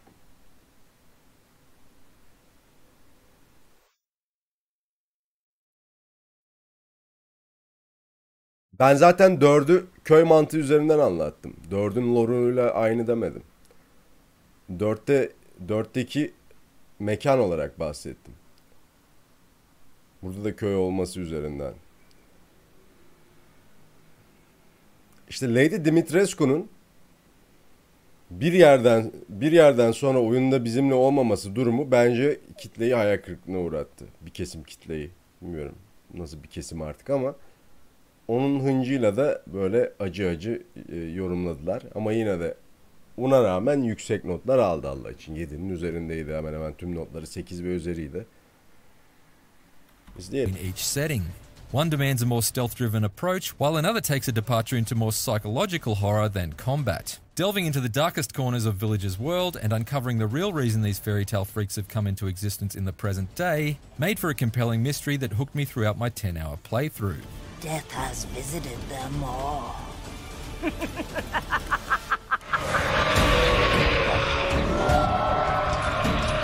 One of Resident Evil 7's most notable shortcomings was the lack of variety in its enemy types. But Village remedies this by throwing a significantly broader set of nasties into your crosshairs. In fact, the last time there was a lineup of village people this diverse, they were singing disco songs about the YMCA. This expanded roster of bloodthirsty beasts doesn't just make for a more interestingly evolving series of combat encounters, but it also adds some welcome new depth and decision making to the bolstered crafting system. Should you spend your scarce supply of scrap to cobble together a landmine that will blast the armor off one of the tank like lichens, or fashion it into sniper rifle rounds so that you can eliminate nesting gargoyles from afar before they have a chance to swoop down on you? Granted, most of these enemies aren't particularly clever in their own right. The genetically modified mutants of this underground Frankenstein factory might have Bir deadly Frankenstein for oyunu arms, da var. but they're far from the Ben onu sharpest tools in the shed when it comes to videosunda gördüm. Multiplayer kanalının videosunda gördüm. Bu Frankenstein'ın 2013'te bir filmi varmış. Orada bir boss varmış. Yani filmde boss varmış. Filmdeki bir karakter varmış. Böyle kafası pervane şeklinde falan. Onun neredeyse aynısını buraya koymuşlar. Hatta PT'deki bir yaratığın da birebir benzerini buraya koymuşlar falan. Hani bu gibi şeyler var bu oyunda. Yapmışlar bu sporu. Ee, hatta o Frankenstein filminin yazarı olan, tasarımcısı olan adam şey yapmış. Bu ne kardeşim ya falan filan yapmış. Öyle bir şey çekmiş. Hani Capcom belki de telif ödeyecektir onlara diyordu multiplayer'da Orhun, Enis vesaire. Olabilir yani Capcom uğraşmak istemez ödenir de telifi. Yani öyle şeyler yapmışlar da arkadaşlar yani bu oyunlar falan esinlenir ya filmlerden. Hani hakkını ödediği sürece, telifini melifini ödediği sürece olur yani. Oyununu oynamak çünkü bir filmi izlemekten çok daha farklı bir deneyim oluyor. Leylek avlıyor sanki. Bosslara mermi süngeri diyorlardı. Biraz öyleymiş evet.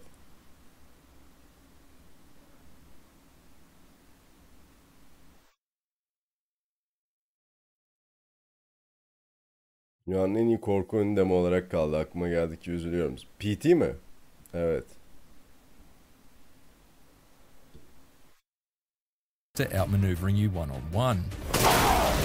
Still, what Village's variety of grunts may lack in smarts, they certainly make up for in sheer Tasarımsa numbers. There's no mevcut. end to them. And although I rarely encountered clusters of more than a handful of enemies at a time for the first few hours, Burada bir de by the zombi story's lore'unu end I was gleefully indulging in chaotic levels of carnage that reminded me more of a run and gun Call of Duty campaign than a slow-paced horror game. That's a pretty big change from the philosophy of Resident Combat Evil 7's daha böyle first half, akıcı. and a throwaway reference to military training in the prologue is used to Sinematikleri çok explain why kaliteli. Ethan feels substantially more combat Bilmiyorum ready yani this ne, time ne around. bekleyebilirseniz hepsini Military koymuşlar training gibi all oyuna. happened so fast. He's better equipped to stay on the move during a scrap Şu and can even yaratıkların shoot down tasarımı flaming hakikaten arrows ürpertici. Leon Ben Kennedy genelde style. ürpermem bu tasarım Certain işlerinden ama location specific burada herhalde environmental oynasam features also ürperirim. help to further even the overwhelming odds and freshen up each fight as you move from one unique area to another. Ah, I've been waiting for you, Mr. Winters. The Duke, a tubby Şuna bak, trader who can be conveniently found in various locations around the map like a Transylvanian 7-Eleven, allows you to buy weapon add-ons and upgrades as well as limited amounts of medkits and ammunition. But what I appreciated the most about Capcom effectively resurrecting Resident. Evil 4's Merchant is that the Duke's stiff prices forced me to pour over every square inch of Village's stunning scenery in search of treasures to trade for spending money, which had the knock on effect of leading me to a number of surprises, both pleasant and malevolent. Some treasures still lurk in this village.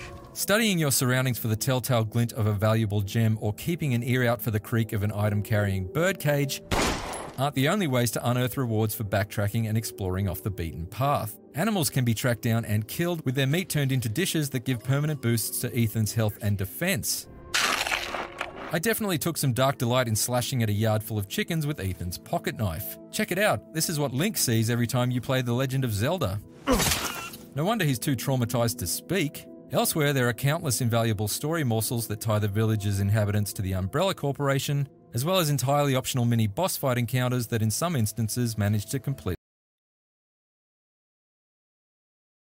Benim ürperdiğim yaratıklar Dying Light'ta gece gezen şerefsizler. Deli gibi kovalıyor. Şu ara geceleri e, buradaki arkadaşlarımızla Dying Light oynuyoruz yayın bittikten sonra. Orada evet onlar kovaladığında bayağı bir gerebiliyor insanı. Özellikle 4-5 tanesi birden araya aldığı zaman kaç babam kaç. Sinir bozucular. Hoş geldin Efe'cim. blindside me.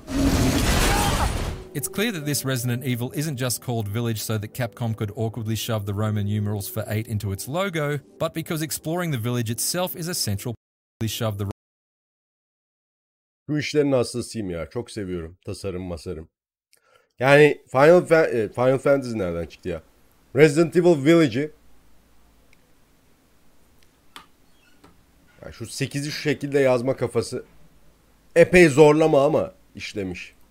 Roman numerals for 8 into its logo, but because exploring the village itself is a central part of the experience. And although you visit each of the main villains' lairs in a set order, keys and other tools found along the way unlock new paths and secrets that make your return trips through Village's main hub a consistently rewarding journey. However, my trip through Resident Evil Village wasn't entirely without its missteps. Paran olmayan halen evet ya. I'm not sure Capcom was prepared for how much of a phenomenon Lady Dimitrescu would become with the Resident Evil fan İbo, base. bir tas because despite tarhana the gelecek, horniest Sly hopes of kanne. internet perverts, Oh, be careful what you wish for. her appearance is certainly intimidatingly long-legged, but also disappointingly short-lived. She arrives very early on, is reasonably easy to avoid as far as stalker enemies go, ah! And isn't as big a presence as you might expect from Village's billboard-sized poster girl.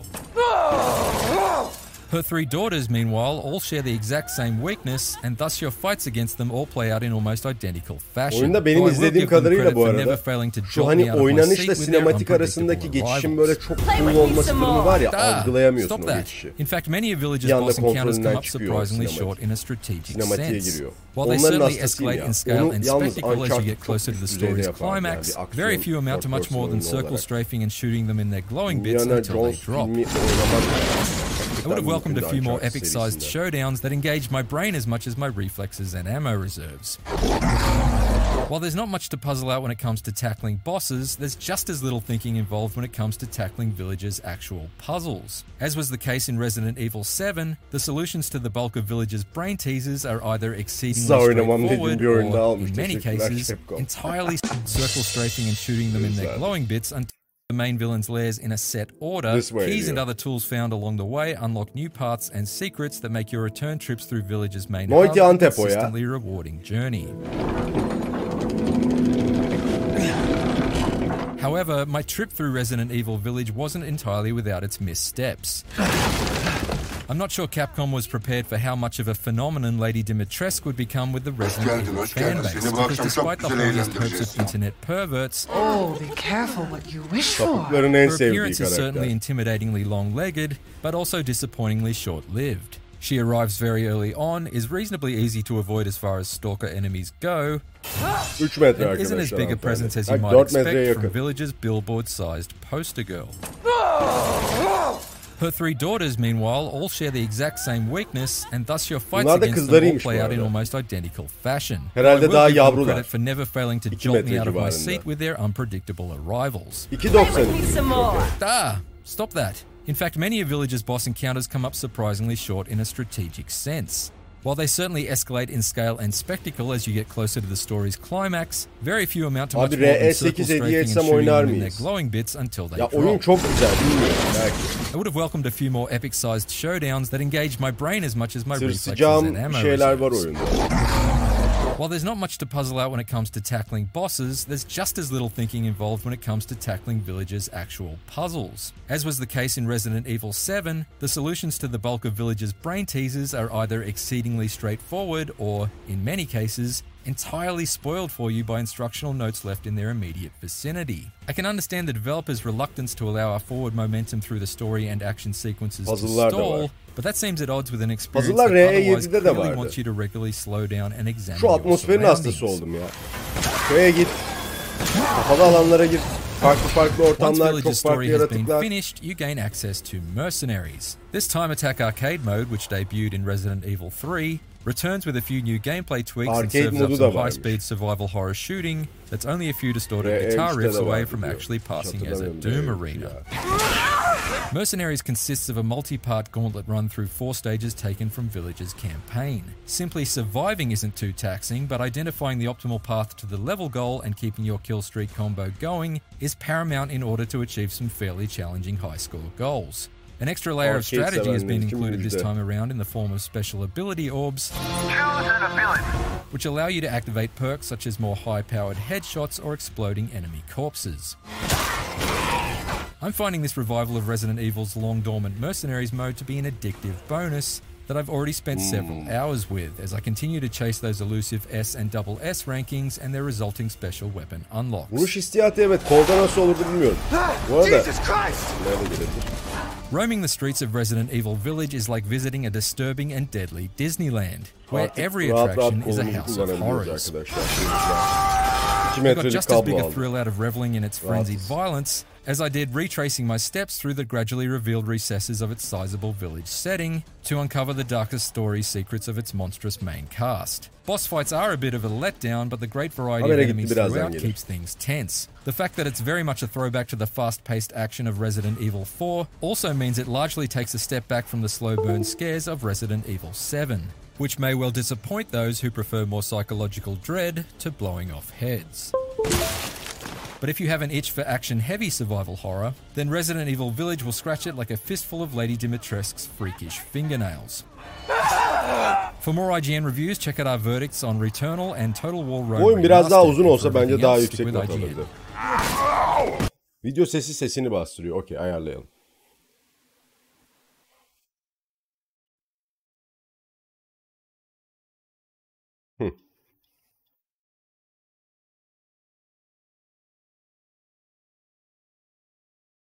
Yok mu FIFA oynaman abi? FIFA'da yok ederim.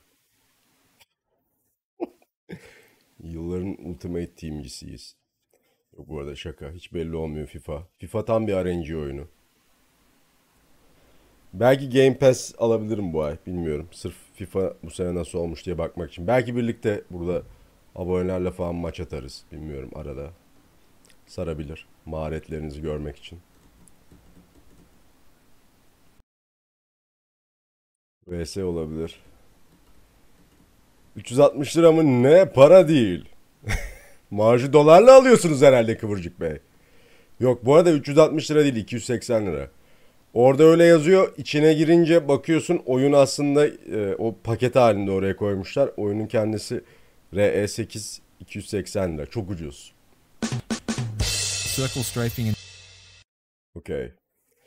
Gördüğünüz gibi ee, durum bu.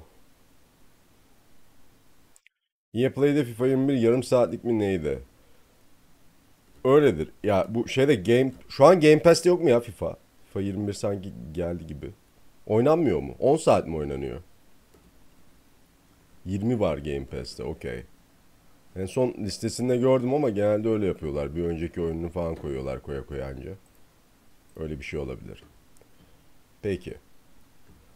Gördük. Resident Evil Village bu. Bence şahane bir oyun yapmışlar. Helal olsun. Benim tarzım değil. Benim oynamaktan çok fazla keyif aldığım bir oyun türü değil. Ama izlemekten keyif aldığım bir oyun türü. Hakeza doğru düzgün yapılmış korku filmi izlediğimde de benim hoşuma gidiyor. Böyle yaratıklar, vampirler vesaire fantezi dünyalarını izlemek hoşuma gidiyor.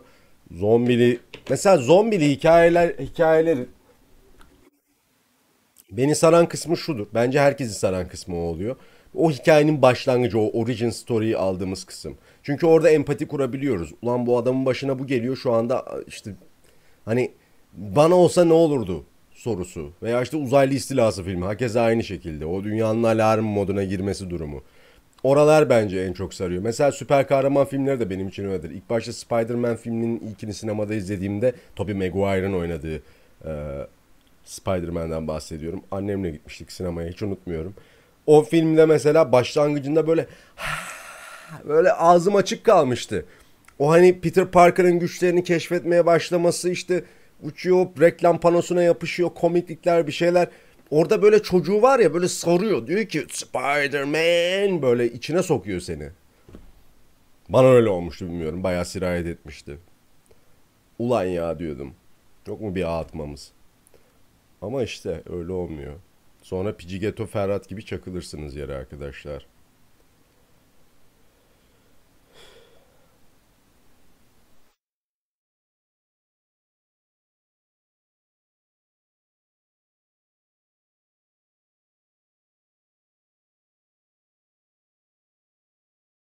Ultimate Team mi oynuyorsun hocam? FIFA'yı. Öyleyse yardımcı olabilirim. Geçtiğimiz seneye kadar 9 sene mi ne üst üste Ultimate Team oynadım. 9 senesi yok herhalde Ultimate Team'in. Çıktığından beri oynadım. Galiba 2013'te FIFA Ultimate Team kuruldu. 2013'te Founder hesabım vardı. 2013'ten 2020'ye kadar her sene FIFA Ultimate Team'i çıktığı gibi aldım. Neredeyse sezon bitimine kadar ki sezon bitimi genelde bu dönemler olur arkadaşlar. Yazın oynayanlar artık böyle çoluk çocuk oynar. Söz meclisten dışarı. Yani daha casual oyuncular oynar. Artık esas FIFA'cılar salmıştır. Çünkü oyun 100 kere indirime girmiş oluyor falan. Kitlesi bayık oluyor vesaire. Canım boş yapmak istedi. Dying Light 2 büyüktür Resident Evil 8. Hele bir çıksın da öyle bakalım. Bu arada Dying Light'ın e, bence hikaye anlatımı konusunda falan kat etmesi gereken çok büyük mesafeler var. Yani dün mesela Serdar'la buradaki Adrian White'la co-op bir şekilde oynuyoruz.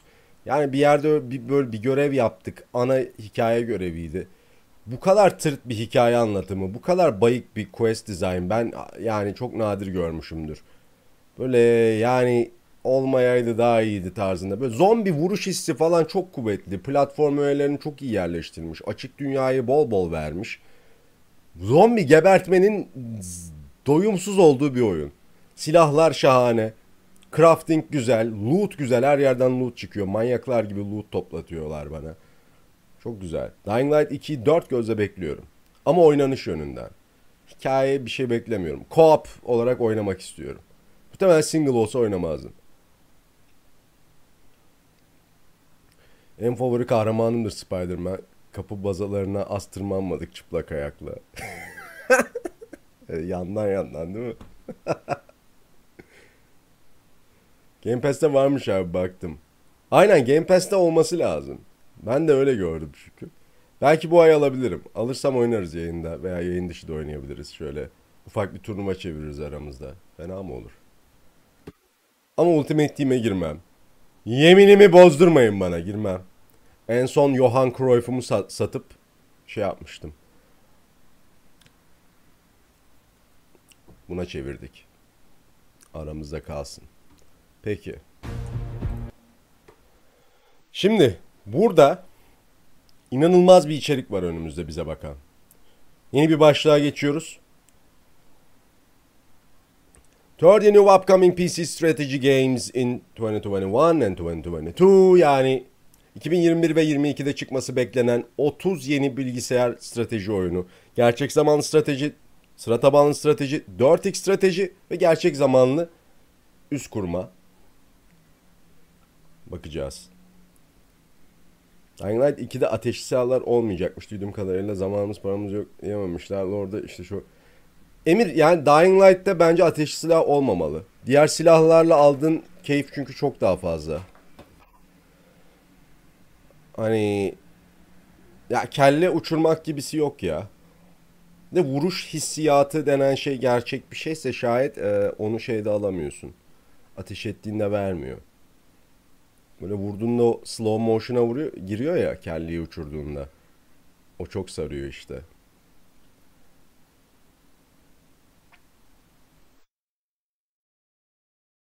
Nice One Ricky vanilyalı kekim gel artık. Aha. Bir şey sormak istiyorum. Bu CK3 gelen güncellemeyi kursam mı? Ee, gelen güncelleme şey mi? Ee, open beta'yı mı diyorsun? Multiplayer için. Dino boss'u nasıl kesemediniz be kaplan? Abi vallahi bizim şeyimiz yetmiyordu ya.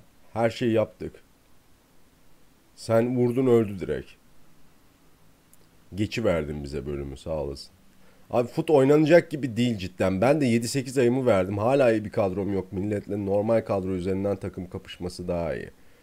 Öyle yani o grind'ı çok böyle bilmiyorum Futbin falan kullanıyor musun? Futbin üzerinden sürekli onun borsası var. Hangi oyun ka- oyuncu kaç para SBC'leri kadro kurma görevlerini güncel takip ediyorsan sürekli oralardan grind yapman lazım. Onların komünitelerini takip etmen lazım. Bazı Amerikalı yayıncılar var. Kanadalı bir yayıncısı var. Çok severim kendisini. Nick 28T, Nick 28T. Şahane bir FIFA yayıncısıdır. Tavsiye ederim eğer dilin varsa takip edebilirim diyorsan. Çok güzeldir. Ya ben hastasıydım. Ben o kart koleksiyonunun, onları takaslamanın işte yani işte Johan Cruyff'la 5 yıldız 5 yıldızlı yani 5 yıldız zayıf ayak 5 yıldız e, özel yetenek bunlara sahip olan bir kartla oynamanın tadını çıkarmıyor. Benim için gaye oydu. Benim için oyunu kazanmak buydu. Johan Cruyff'un kartını alacak parayı biriktirmek. Ha bir de 3-4 tane ikon kart çıkarttım grindlayarak. Onlar da tuzu biberi oldu. En sonunda e, geçtiğimiz sene Mayıs gibi falan hepsini nakde çevirdik çok şükür. Dedim ki tamam. Fut yeter. O yüzden bu sene de girmedim. Bu sene bir de yayın mayın yapacağım. Ben manyak gibi onu oynarsam yayın yapamam. Zaten PlayStation'da jortladı. Bakalım. Şimdi Base building, Burada empire management, and army control. Hello, my name is lazım. Gamerzak, and welcome to my 30 upcoming PC strategy games in 2021. Ege'ye kafa tutamam ya. 2022 List. Now, the primary target here are real-time strategies and 4Xs, but there are some unique and unexpected titles that might surprise you as well. Şükrücüm onu bilahare konuşuruz. commander's chair and get ready to control the battlefield. I've spent a lot of time on this, so if you do appreciate what you see here, please do like, subscribe, and share the video. Veya strategic Antep sana özelden yazar. really does keep this channel Özelden. marching along and these videos being made. also, be sure to vote on your favorite game from the list over at gamerzak.com slash listhub. Extra games, bonus behind Abi ben benim izleyip anladığım FIFA multi join satmak gibi paraları takip ediyorsun, oyuncu satıp me directly. You can also alıyorsun. subscribe to this channel for more like these Kart- lists, kart ticareti, köle değil de. and nostalgic gaming content and follow on Twitch to see me live. There are also many bonus games after the main list, so be sure to watch all the way through. All right. With Beyond All Reason by BAR Team. Okey, bir gerçek zamanlı savaş taktiksel savaş strateji oyunu. Bilim- bilim kurgu aynı zamanda. Bu güzel duruyor. level. Whether they can do that, well, we can hope. çözünürlüğü Every ne? projectile and explosion is simulated in real time, thousands of units on the battlefield, each with their own AI, and a focus on the importance of terrain, and thus unit movement types matter. And gameplay isn't going to be about resource collection and management, as it's about the units and how many your CPU can handle. Not to mention there are 394 units. Animasyonları güzelmiş yalnız. Patlama efekti falan hoşuma gitti. This could be very messy and unfocused, though its inspiration of total Okay. annihilation is pretty much what it's going for, so it should Diğer oyuna bakalım. Initial look at this game was Modern War. seeming rather Modern War. But after having played the demo, I was pleasantly hmm. surprised. This is a modular unit RTS where your base is made up of parts, and those parts can split to become units. Imagine Spore, but as an RTS. Spor'un Kind of like RTS versiyonu. İlginç. Sporu bilenler vardır aranızda. the options you have.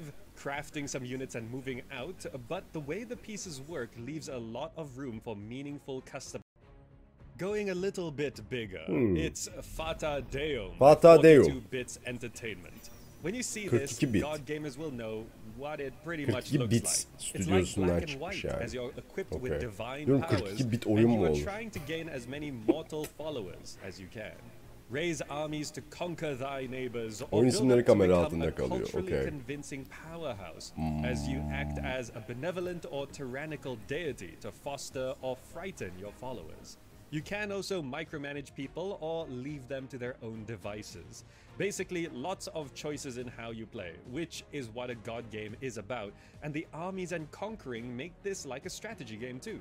There's meant to be a campaign mode with an engaging narrative but capturing that kind of deep yet humorous charm hmm. that God games tend to need can be a very difficult balancing act. It raised 60,000 RTX, euros on Kickstarter, which is a decent but not huge amount, and is planning to enter early access in 2021 with a full release for Fata Deo hmm, by 2022. Sevimli gözüküyor ama görmek lazım. The Wine Commander. A handcrafted action RTS of Greek gods battling each other with base building Yunan tanrılarının birbirleriyle olan savaşı diyor. Bu arada ben bunu Türkçe and the big yapmadım ya. Note here is that it's being designed for controllers, meaning the average PC strategy gamer isn't going to be that into this. But they do say that the typical console RTS are mediocre Zeus. experiences, and they want to make Biraz it Age of something Mythology proper. şeyi That does verdi. also mean that it's going to be more of a macro strategy Evrim game oyunun with adı less focus ha, on deminki mi? high-speed Modu War. micromanagement, which some would Modu prefer. War. And it is Chat'e still a yazıyor. Strategy game on the PC. And if they do design the controls well enough, Divine Commander could offer something a little bit different. And it's not like it's the first RTS that's designed Salty. Lemon Entertainment mı? Tuzlu Limon Continuing with the oh, şirketin. RTSs. Liquidation by Kiwi Brothers Studio. Set in a universe of dark fantasy and science fiction, single player and multiplayer gameplay with a campaign, four factions, base building, unit inventories, ranked matches, and a deity avatar that you customize and send into battle. Sounds ne ya, like Dota 2 mi? the demo, and the unit control feels decent and it's got a good foundation. Overall, it's got a lot of potential, zamanlar geldi aklıma with a bit of a 2'nin. cartoony visual style reminiscent of. Warcraft 3, but kind of going back into Warhammer 40k vibes as well. And a gameplay trailer is promised to be released soon. So if you like the outline of what it looks like right now, then check back in with Liquidation a little bit later Video isteği bu content'i almıyoruz. O Just Chatting için hep doğru. Selamlar bu arada. Burada, e, akış var. Çorbada akış öncesinden belli oluyor. Ama sen yine at, daha sonraki bir vakit bakarız. Ya da o vakit geldiğinde atarsın, öyle bakarız. Oyunların hepsi birbirine benziyor arkadaşlar. Hani çünkü her şey yapıldı neredeyse. Çok inovatif bir şey yapması lazım yapanların artık. Benzemesinde hani şey yok zaten base yok. Siz de takdir edersiniz. Oynuyoruz işte çıktığında siz de oynuyorsunuz. Ama önemli olan işte oynanışta falan artık inovasyon yapmaları. Ee, ha ben mi atabilir miyim diye. Tabii tabii atabilirim.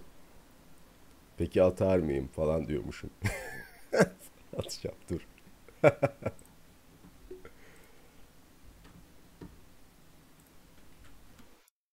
Buyurunuz.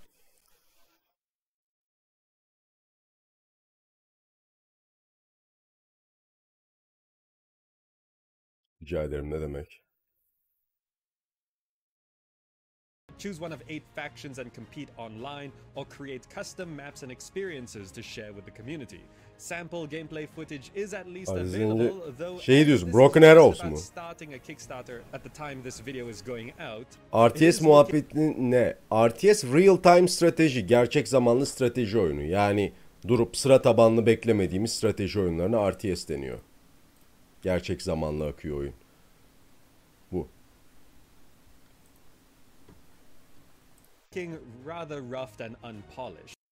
Bu arada bunlar mesela bayağı birbirine benziyor hakikaten. Bakalım. Dwarfheim. Dwarfheim evet. Get ready to play with galiba. others in Çıktı mı bu? Dwarfheim by Pine Leaf Studio. Asymmetric co-op multiplayer competitive RTS. Multiplayer competitive RTS. Ulan bu çıktı sanki ya. controlled by different players who work together to overcome their enemies. The fact that your class, builder, miner, or warrior, limits what you can do means cooperation is key. Rise of Honor dur bakayım hocam senin için. Sırada var mı? Diplomacy is another option. Fertile.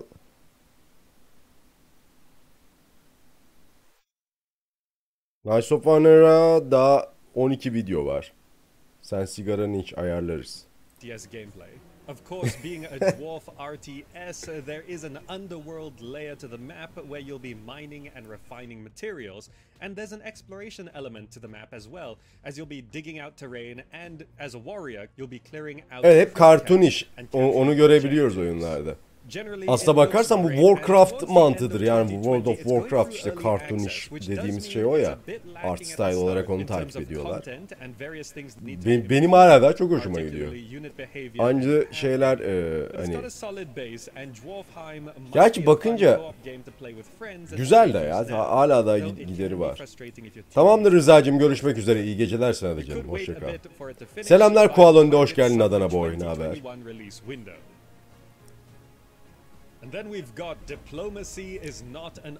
Bu oyunun ismi çok 407. ilginç. Diplomacy is not an option.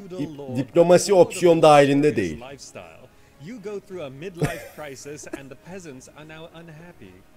Aynen, aynen Emir. Oyunun akıcılığını kesinlikle sağlıyor. Yani-. Oha, bir saniye. Chat.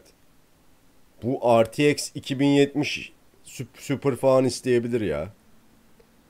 32 GB RAM önerilen sistemde.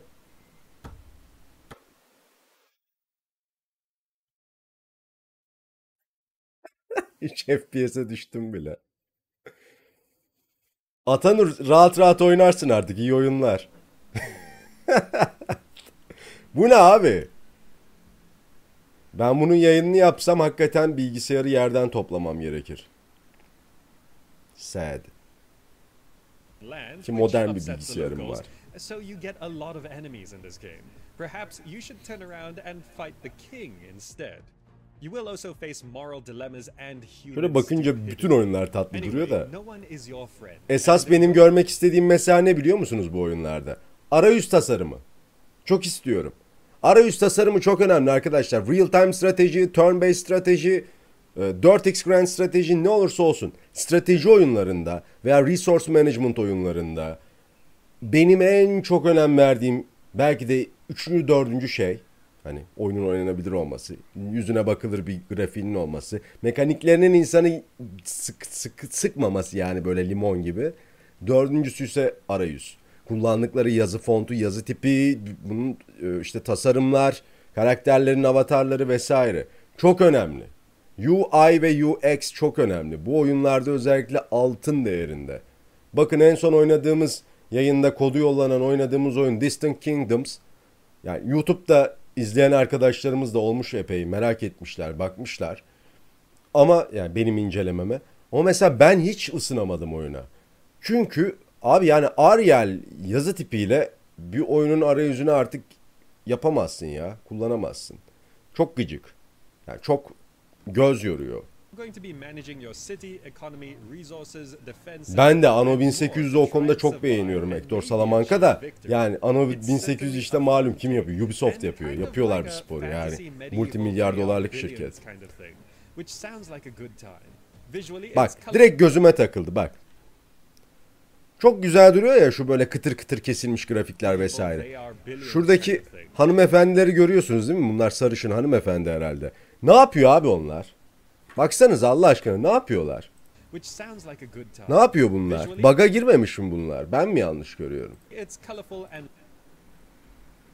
They are billions kind of thing, which sounds like a good time. Visually, it's colorful and low poly, but probably necessary considering the sheer size of the that's coming to kill you. Diplomacy is not an option. Seems like something that a lot of people will enjoy for a time daha var ya. as long as it does actually all work and delivers what's promised Mühendis in işi 2021. bunların hepsi. Aynen estetikten çok işlevsellik hep ona odaklılar. Fertile Crescent ilginç duruyor. Bu looks Nebukadnezar'a almost benziyor şeyi. Tabi onun daha da böyle Empires, 8 bit mi bu? It's an indie RTS with multiplayer made by a two-person team. Multiplayer indie RTS. Pixel art to go with it. Bağımsız, online, gerçek zamanlı strateji. training units, defending your village, and destroying your rivals. It's definitely not a big triple A RTS that's going to become the Kamera next biraz gitsin. Ben bir sigara içeyim. Bedavaya deneyebilir misiniz arkadaşlar oyunu? development can only go so fast considering the indie nature of it. Still, I think the Fertile Crescent is worth mentioning here as just 8 the bit Age of Empires gibi gibi değil mi? Empires already will pique some people's interests. Next up, we've got Trollskog by Andreas Carlsen. Up Açık dünya inşa ve strateji oyunuymuş. Explore a world inspired by Swedish folklore filled with friendly and hostile NPCs. İsveç folkundan gelmiş ha, İsveç şeylerinden. do things using diplomacy or by force. Mitlerinden.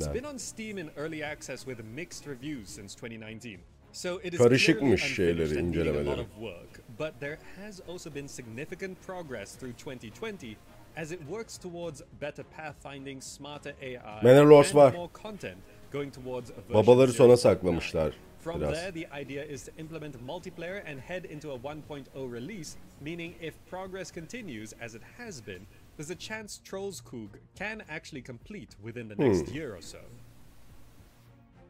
year or so. Then for something a little bit weird in terms of controls, it's Touch Type Tail by Touch Type Tale. Studio. Imagine Typing of the Dead, but it's a medieval real-time strategy and there aren't any zombies. Yeah, this might be a weird idea, but how you control a game doesn't necessarily change its genre, and this is a unique entry to the list that could be great for a niche audience.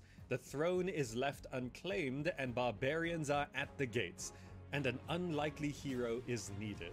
Expect a story-rich campaign, competitive multiplayer, and lots of İlginç. typing, as gameplay isn't about micromanagement or grand strategy, but it tests your skills in a different way. Initially meaning to release in 2020, it's Hikayeyi not yazarak that ilerletiyoruz. and Çok is ilginç. Jotting in a tentative 2021 release Peki. window now. As long as development isn't touch and go, touch type for something that's been changing over the years, it's The First Men by Gathering Tree. What looks kind of like a Don't Starve survival base building strategy game with Don't genetics. Benziyor this diyor. certainly isn't your expected kind of game in a strategy list, and what this game exactly is has been shifting somewhat through its development.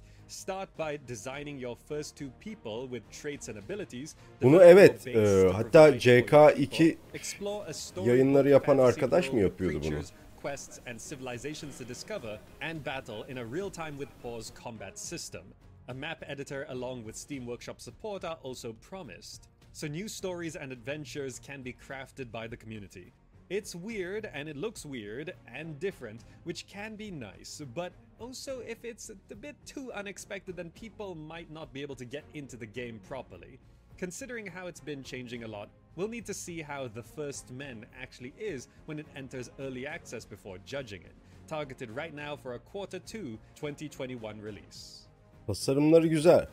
Shrinking down, we have Empires of the Undergrowth by Slug Disco Studios. Mine out your colony, uncover resources, hunt bugs, and overwhelm rival colonies. Oha. This is an ant RTS that plays a bit like Dungeons Karınca gerçek zaman strateji oyunu ha.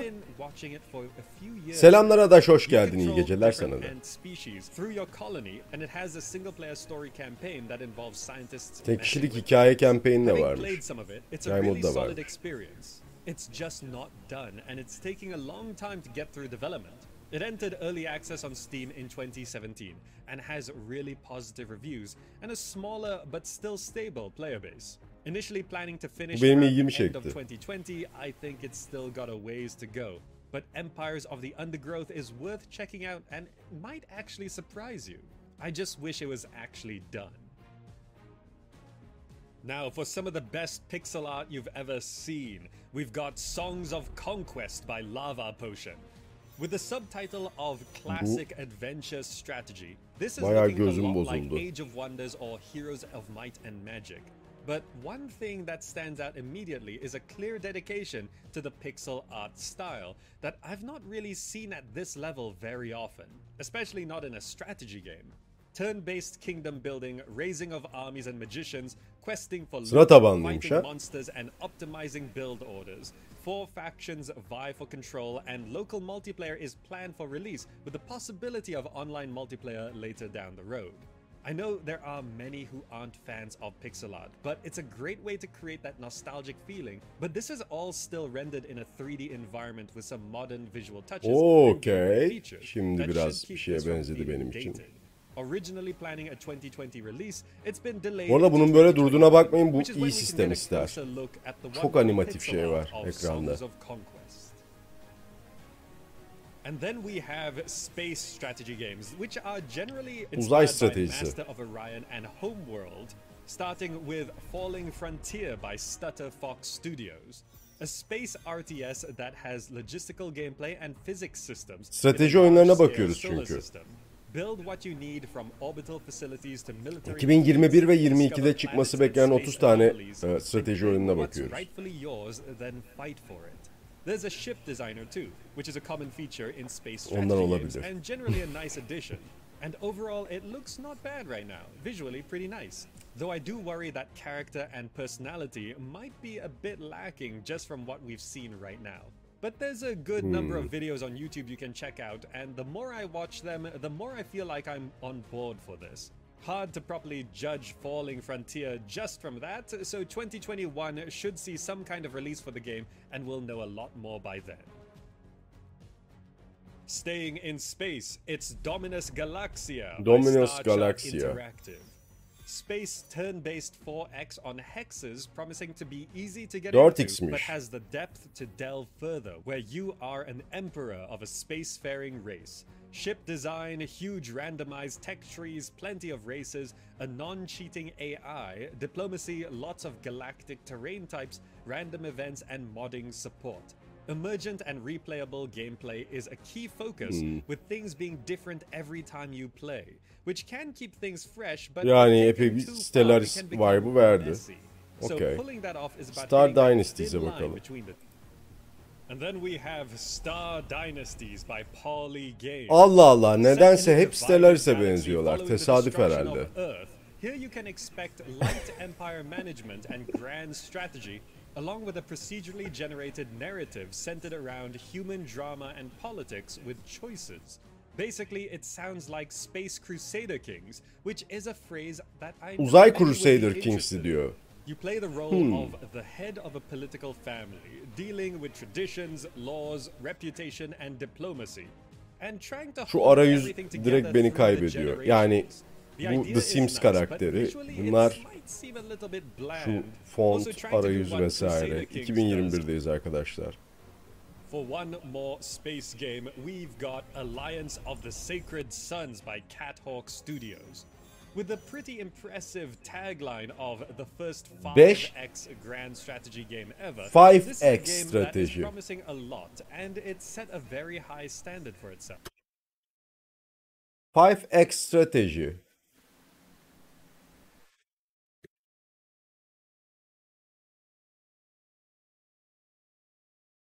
Zorla oynatılan ilk oyun Stellaris mi? Zor. Zor yerden başlamış, başlatmış seni.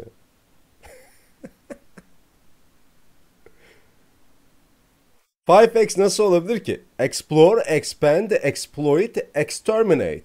4x. Keşfet, yayıl, eee, sömür ve soykırım yap. Bu değil mi 4x? 5 ne? Açıklar herhalde. The five X's being explore, expand, exploit, exterminate, and the new fifth one being exist. As you Exist. Var ol.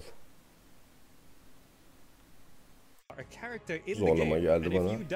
Acaba nasıl game Ölürsen game over. build military and develop your great house alongside rival houses as you try to unify the celestial empire against an ancient 4X'lerin hepsi öyle değil mi? Hepsi değil ama mesela mesela Crusader Kings'i ele alalım. Yani exist zaten olmak zorunda değil mi? Ölüyorsun, varisin yok, bitti işte GG. Game over ekranı veriyor. Çok yaratıcı. Bir strateji oyunu denk geldi mi hiç arkadaşlar? Bir iki tane vardı. Birazdan zaten linkini bir daha atarım adaş. Videoyu bitirince oradan kendin de izleyebilirsin. Abi bu- micromanaging things. So think of Space Crusader Kings again, kind of. There Hep uzay Crusader Kings'i. Okey, Knights of 2020, Honor but 2 Rise geliyor arkadaşlar. Hazır mıyız? having just had an alpha run towards the end of 2020 instead. So it's going to be a while longer before we can get into this. Coming oh, Oo, geldi kral. Hadi bakalım. We have Knights of Honor 2 Sovereign by Black Sea Games. Become the king and wrestle control of Europe in this accessible grand strategy with real-time gameplay. A living, breathing world awaits where you'll partake in diplomacy, intrigue, trade and conquest. Meanwhile, you'll be choosing your Crusader Kings with 3'te var olmayan her şeyi vaat ediyor şu anda. A robust multiplayer scene is Umarım öyle gelir. planned, and overall the game looks great so far. Evet, 2021'de Okay, ben de the time of çıkacağını writing this, the game düşünmüyorum. Her ne kadar çıkacak a deseler de. 2020 but as we're really close to the end of the year and no specific date has been said, Knights of Honor 2 Sovereign is either going to be released right at the end or it's going to be delayed into 2021. Bu, bu video zaten 2020'den bahsediyor. 2021'e ertelenecek herhalde. 2020'nin sonunda çıkacak gibi durmuyor diyor. Bence later. 2022 o. and as you've noticed from the rest of this list, it's probably gonna be delayed. But we can hope.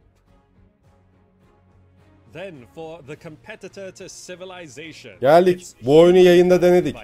YouTube'daki arkadaşlar eğer bu oyunu izlemek istiyorsanız, neye benzediğini görmek istiyorsanız direkt seri var. İlk bakışı var. Seri halinde oynadık. Onlara bakabilirsiniz. Oyun Ağustos'un 17'sinde çıkacak. Haberiniz olsun. Civilization'ın rakibi. İddialı bir laf ama bence içini dolduruyor oynadığım kadarıyla onu gördüm.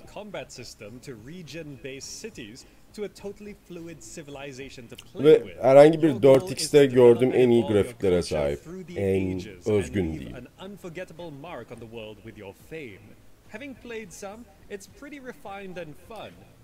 Birazdan hatta bu oyunla ilgili bir bilgi daha vereceğim. Her açık kod ver. Maybe you'll want to play both at the same time. It's hard to attract a huge number of players away from the traditional brand, but it's not unheard of, and humankind definitely is not pulling its punches. Humankind'la ilgili pek bir şey anlatmıyorum çünkü dediğim gibi oyuna direkt ilk bakış çektik. Yani tek tek tüm detaylarıyla oradan izleyebilirsiniz. 4 saatlik bir şey var. Chapter chapter atlayabilirsiniz. Old World keşke vaat ettiği gibi çıksaydı. Many developers are attempting to challenge its position on the historical 4X throne. Aynen Civilization geliştiricileri bile e, Humankind'in geliştiricilerini tebrik etti. Böyle bir arayüz tasarladıkları 4. için helal olsun dediler. historical 4X that's Sanat yönetimi için. Civilization and Crusader Kings. Settling cities, district building, conquering tribes, Paramın çöpe gittiği oyun diyor hocam, görüyorsunuz chat. Maalesef.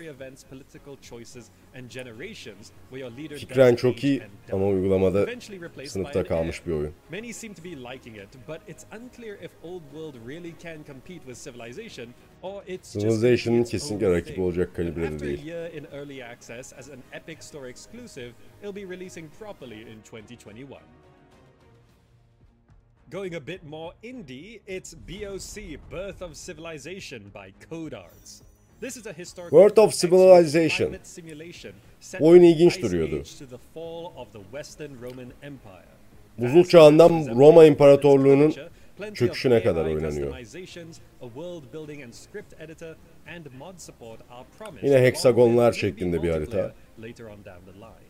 Getting all that done seems to be a bit of a challenge though, as progress is going a bit slow and no release window. Yani görsel olarak atlaması gereken çok fazla şey var. But it's got some Yani- nice ideas. Early access or alpha was meant to start in 2020, but development has been delayed and 2021 oyunu gibi durmuyor. various reasons. So it's something that we can watch for now. Or just check back in with BOC Birth of Civilization a year from now and see how it's doing. Next, we have Rising Lords by Argonwood. Turn based tactical combat with card and board game mechanics. This isn't your traditional PC strategy game. Doğal afetler var, iklim değişikliğiyle to- topraklar değişiyor, coğrafya değişiyor vesaire. a Beni hiç sarmıyor bilmiyorum. Sizi sarıyor mu bu tarz oyun? War Selection. every Worlds. Next up, we've got Hmm. War Selection by Glyph Worlds. Alternative mix and match historical gameplay. This is an RTS where you start in the Stone Age and through the course of seven eras. Haç devrinden select 7 çağ boyunca oynadığımız gerçek zamanlı strateji oyunu. Base building, resource collection, and warfare works as expected, but Hmm. with over 100 buildings and 200 units when all is counted together. Bir taraf atla tanka mı saldırıyor ben mi yanlış görüyorum?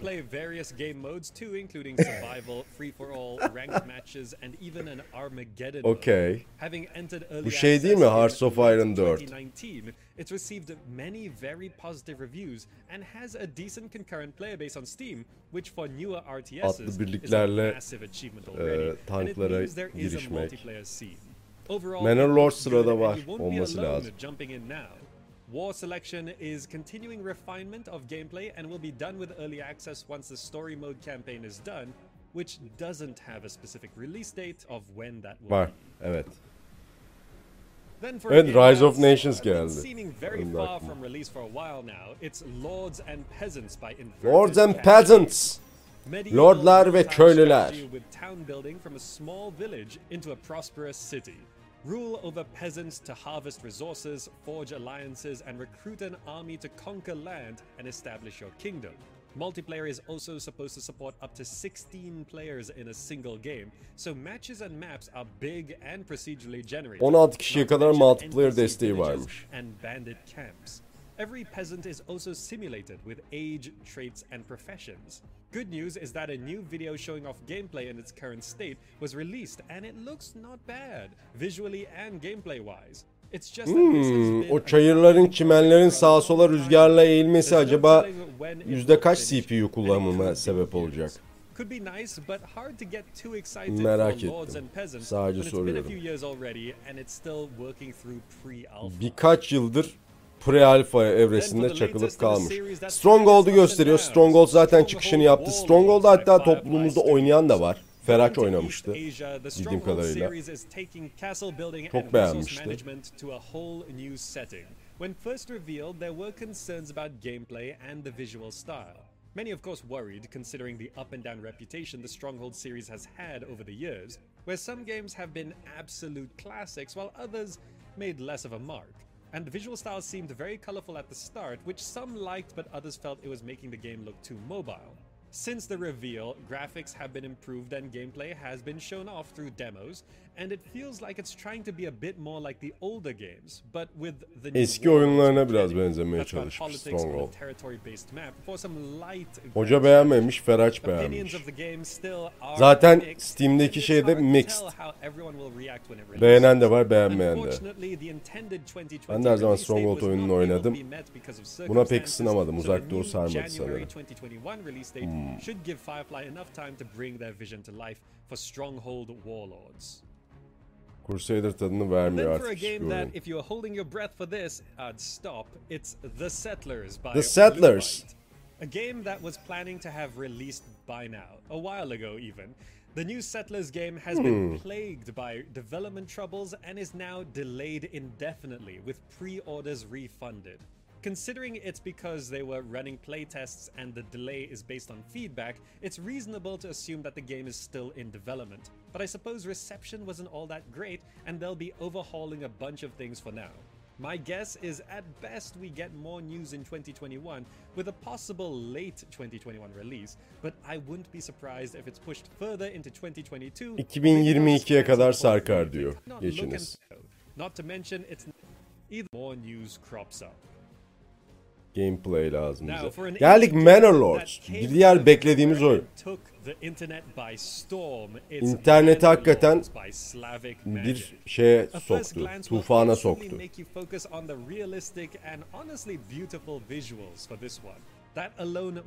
Bunun bu göründüğü, vaat ettiği şeyleri verip veremeyeceğini hiç bilmiyorum. Ya an inanılmaz görsel olarak.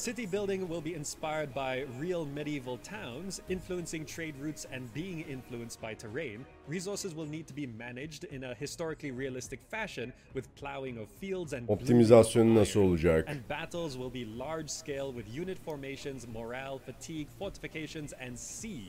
And battles will be large scale with unit formations, morale, fatigue, fortifications and siege. Weather will also have an effect. which Baksanıza, yani grid tabanlı değil the harita. Bu çok ilginç geliyor bana. like motion capture and photogrammetry.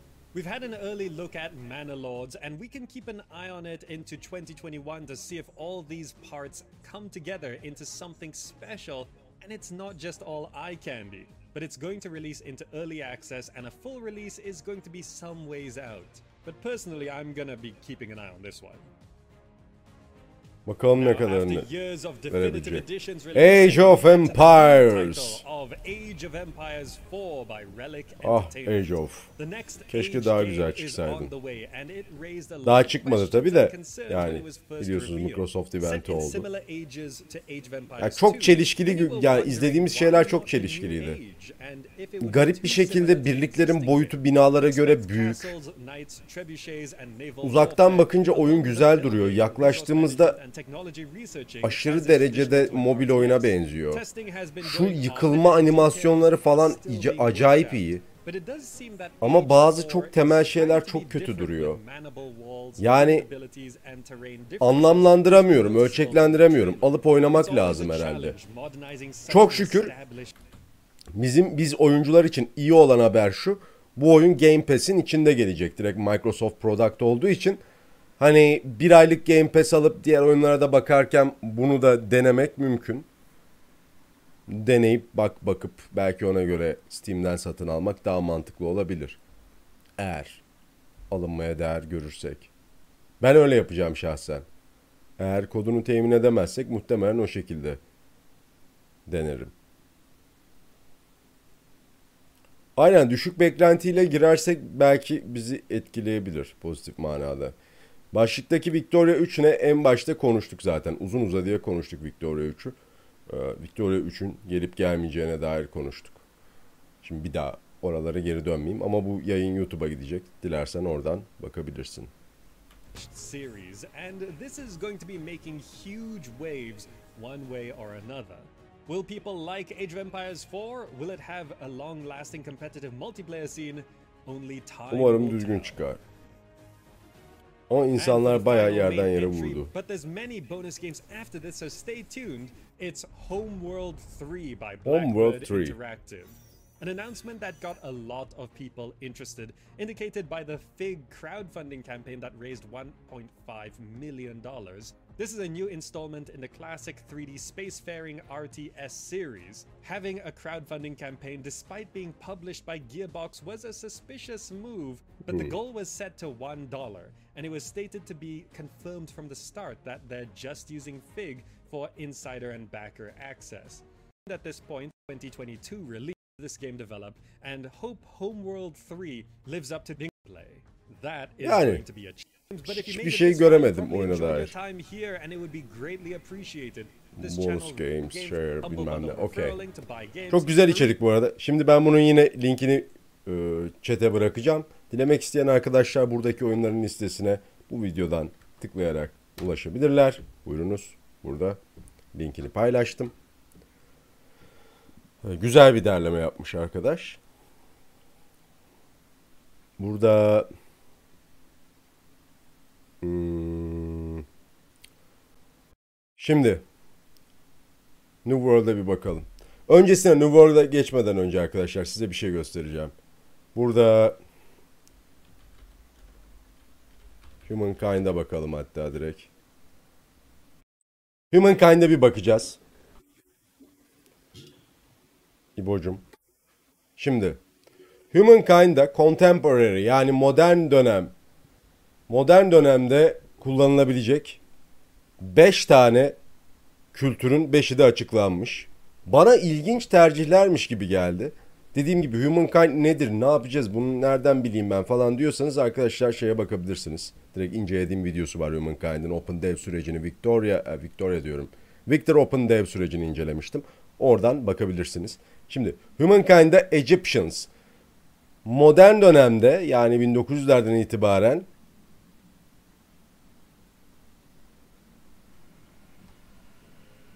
Mısırlarla oynayıp estetikten gideceğiz. Yani modern çağda estetik ve Mısır bilmiyorum. Mısır sinemacılığına falan değinmişler. Ben bu oyunun açıkçası bu yönünü seviyorum. Çünkü kültürlerin böyle çok fazla ön plana çıkmayan şeylerin üzerine bayağı çalışma yapmışlar. Estetik mesela Mısır sinemasını az çok ben biliyorum ama ben hani iletişim fakültesi mezunuyum. Orada biz bir şeyler gördük. Böyle Mısır sineması yılda böyle 10 bin film çekiliyormuş falan gibi bir garip bir endüstrisi var. Arap dünyasına epey e, film aşılıyorlar. Oradan biliyorum mesela burada bunu kullanmışlar. Yani bu adamlar da bunu biliyorlar. Helal. Bir diğeri Çinliler. Bu beni çok sardı. Çin ve tüccarlık, ticaret. Emblematic Unit, Guardians, People's Congress, Mao Zedong. Çok iyi kafa. Tebrikler. S-400'ler ha. Aynen. Bir diğeri bu. Merchant. Orijinal. Bir diğeri Brezilyalılar ve tarım modern dönemde. Biliyorsunuz Brezilya inanılmaz bir tarım ülkesi. Jungle Brigades özel üniteleri, Emblematic District Agronomy Lab.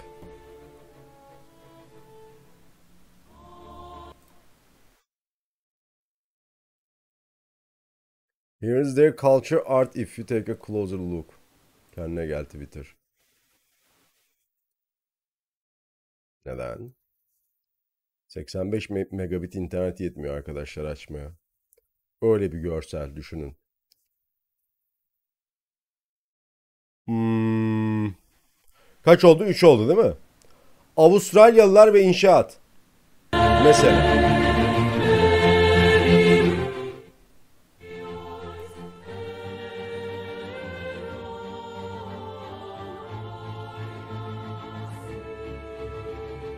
Strip Mining Complex.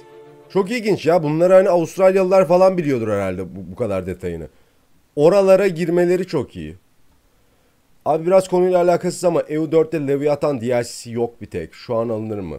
Leviathan DLC'si mi? Alınmaz. Bak gerçekten bugün ona değindik. Onunla ilgili haberleri de burada inceledik. Sana tavsiyem Prop Buy alma. Oyunu bozuyor şu anda. 1506'da crash veriyormuş. İşte e, stabilizasyon sorunları çıkıyor vesaire. Baya baya sıkıntılı. Tavsiye etmiyorum. Bekle güncellesinler o kötü yorumlar pozitife dönsün o zaman al derim.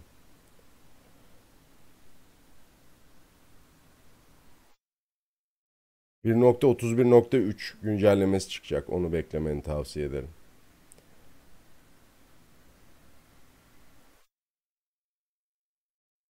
Sence Türkler olsa özelliği ne olurdu bu oyunda? Yol yapardı ne olacak ki başka? Sorun mu şimdi? Yol yapmak olurdu Türklerin e, özelliği. Bence. Özel ünitede belli yani. Bordo bereliler herhalde değil mi? Şu art style'ı muhteşem ya oyunun. Amerika expansionist. Çok mantıklı değil mi? Yayılmacı.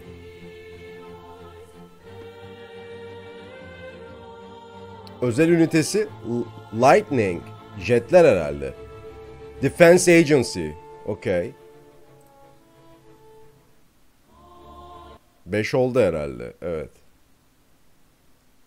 Mantıklı ilginç şeyler seçmişler. Mesela Mısır ne alaka falan diyorsun ama düşününce ma- mantıklı o yönden. Çok güzel böyle nokta atışı yapıyorlar ya. Çok takdir ediyorum bu stüdyoyu. Yani en popüler olacak şeyin peşinden koşmuyorlar. Orijinal olan şeylerin peşinden koşuyorlar. Ben hala Avustralyalıların özelliğini kabul etmiyorum. Türklerin inşaat özelliği olması lazım. Duble yol ve köprü ve TOKİ bufflarımız unutulmamalı mesela. Gerçi abi köprüleri de biz yapmıyoruz ki çok fazla. Bizden değil onları yapanlar. Bizden de değil hani. Bizden beslenenler. Neyse. Okey. Öyleyse.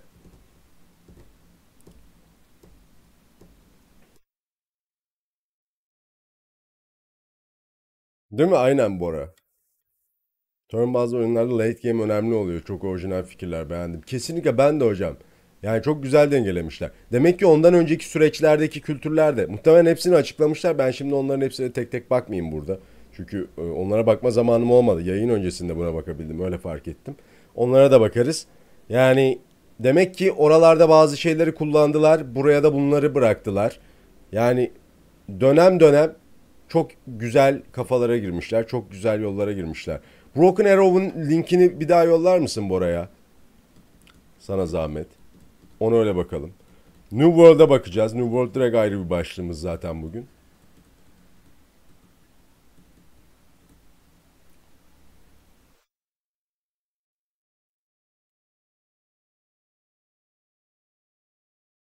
Ee, İbo'cum bu şey var ya Ünlem çorba. Ünlem çorbadaki anonsun sonundaki başlıyoru direkt siler misin? Sadece 21 çift sıfırda ünlem işareti kalsın. Anlam bozukluğu oluyor. Ona dikkat et- edememişim. Broken Arrow. Bunu bana Feraç attı, Bora attı. Gerçek zamanlı strateji oyunu. Bu oyunda beni en çok çeken şey açıkçası hovercraftların falan olması oldu. Çok trailerda bir gameplay durumu yok. Keşke olsa. Ama gösterdiği kadarıyla benim biraz ilgimi çekti doğrusu. Hatta epey ilgimi çekti. Çünkü gerçek zamanlı combat tadından yenmez. Bir de Ruslar yapıyor arkadaşlar. Ruslar bu sporu yapıyorlar. Bakınız. Savaş konseptinden bahsediyorum. Bakınız Escape from Tarkov mesela. Yani strateji değil ama bu işi biliyorlar.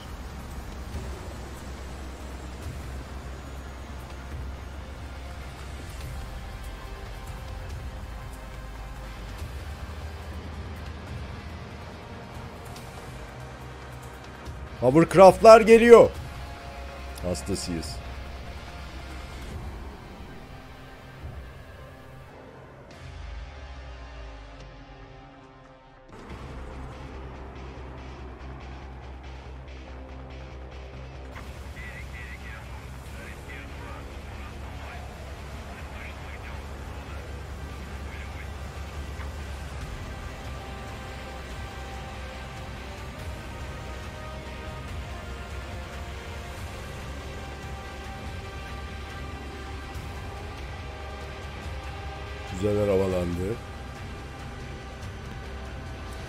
Bana o Red Alert hissini verecek oyunu bekliyorum.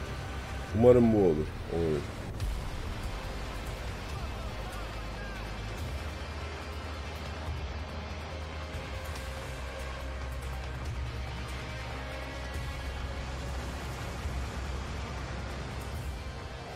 Güzel.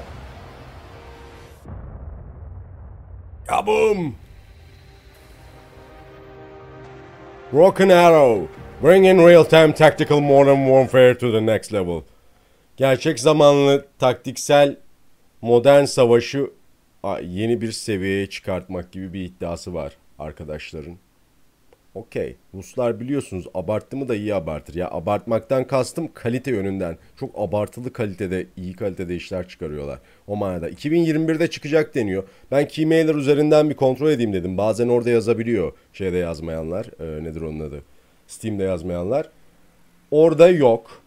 E, tarih vermemişler. 2021 diyor sadece. Ben notify mi dedim. Eğer oyunun çıkış tarihine dair herhangi bir bilgilendirme olursa bana direkt bildirim gelecek. Ben de burada sizle paylaşırım. Eğer önünüze onun haberi düşmezse. Öyle diyeyim. Ee, şimdi bu arada Broken Arrow listedeymiş. şahane Burak helal olsun. İyi görmemişsin. Viking şehir kurma oyunu. Bu arada burada şeyi bulamadım. Hmm. Bora acaba bu Top 10 Upcoming Realistic Graphics bunun içinde miydi ya o Firavunlu oyun? Ben onu göstermek istiyordum. Firavunlu oyun. Viking şehir kurma oyununa bakalım biz de o sırada.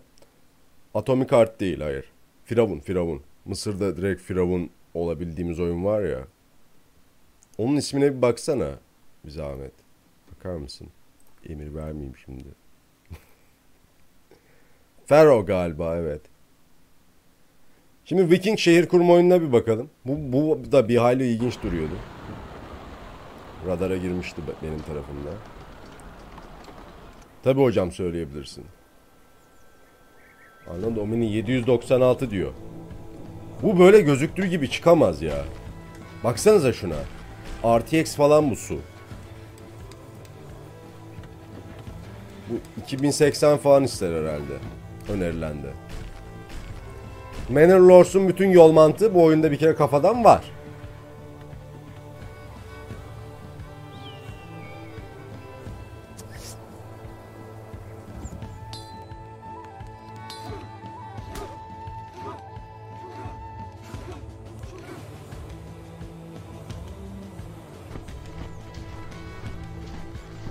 Bayağı Total War tarzı bir kombat.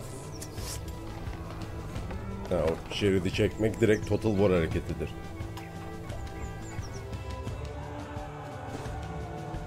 Kaydırarak suya bırakıyorlar gemileri.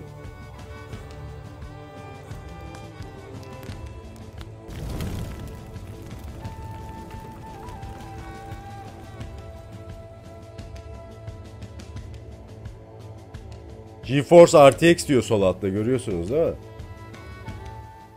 O su zaten direkt RTX'im ben diye bağırıyor. Hayırlısı.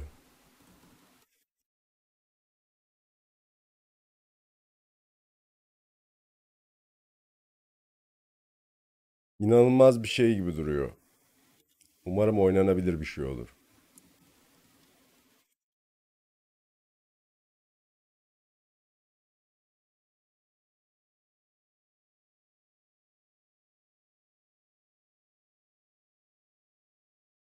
RTX de o kadar kötü olmaz gibi duruyor. RTX de hani işte ne kadar sistem isteyeceğine göre değişir. Ben o, o manada bakıyorum zaten. Yoksa RTX muhteşem bir teknoloji yani. Gerçek zamanlı ışın yansıması hesaplaması. Yani doğrudan ışın huzmelerinin takibi durumu.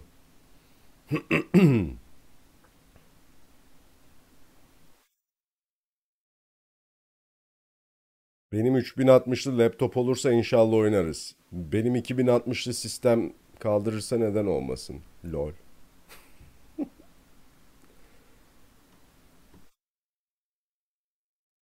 en son part burada kaptan. Okey.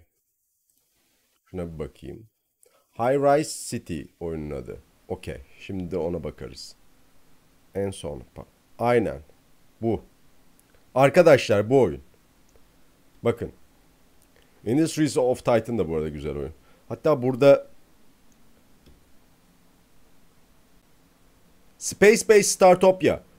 Chat, bunu size göstereceğim çünkü bunu oynayacağız. Bana bugün Calypso bunun kodunu yolladı.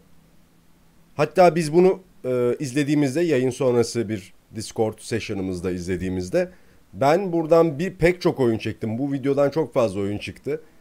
Pek çok oyunun key'ini istedim. Bana bunun anahtar kodunu yollamışlar bugün sağ olsunlar. Calypso. Calypso'yu biliyorsunuzdur. Tropico'yu geliştiren e, şirket.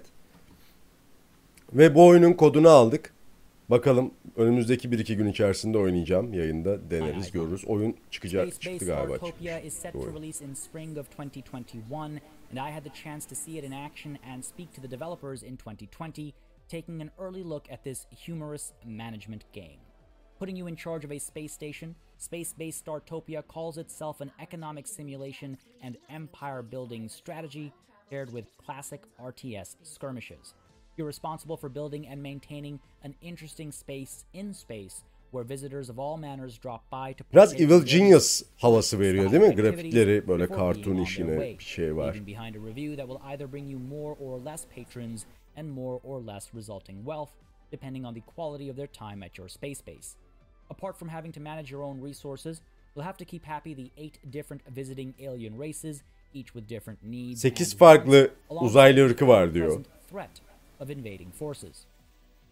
All this while competing with other space bases should make for a fun ride over the course of a 10 mission campaign. And beyond that, there's a sandbox mode, a skirmish mode, 8 görevlik bir ana campaign'i varmış, hikaye modu varmış. Ondan sonra da sandbox olarak oynayabiliyormuşuz. economies and attacking them with your own units while researching new technologies to get an upper hand where possible, conducting trade as needed, and all the while trying to run the hottest tourist spot in all of space. Hadi gösterdim ne ara ki geldi ya sana bu. At, gösterme sana yayından önce. şey geldi diye, kodu geldi diye. Buydu işte. Right up. I love a game that doesn't take itself too seriously but still maintains its complexity. Selamlar Demirdik, hoş geldin. Just how everything comes together. with Estağfurullah ne demek. YouTube'a gidecek zaten bu program oradan izlersin. Güzel duruyor yani orijinal bir şey. Özellikle böyle haritanın yukarı doğru falan gitmesi hoşuma gitti. Şimdi şu oyuna da bakalım sonra hocamın dediği oyuna bakacağız.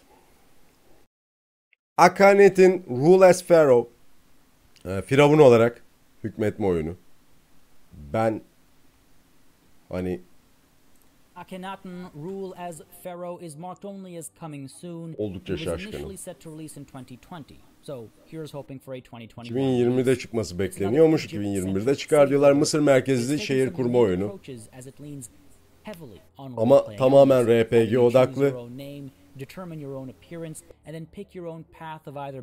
Tiranlık için kendi yolunu seç diyor. Choices become necessary. Carefully balancing decisions to ensure your continued prosperity without exploiting the people too much will Çok be essential, as your death or deposition will bring an end to your rule.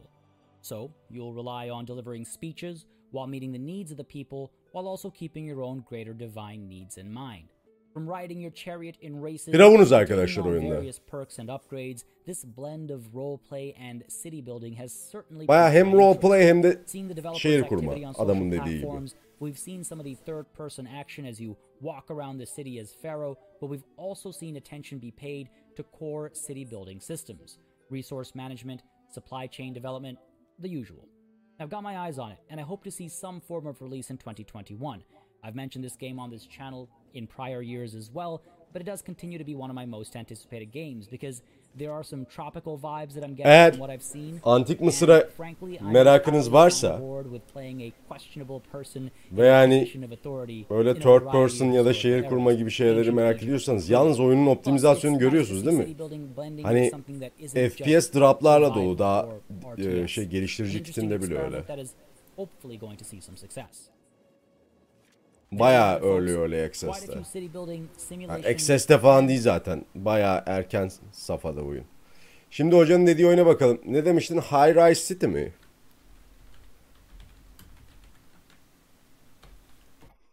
Hmm. Bu. Announcement trailer. 4 saat önce düşmüş herhalde. Direkt bunu izleyelim. Bu bayağı City Skylines'a benziyor. Ama daha moderni. Ben bunu izledim ya bir yerde. Evet.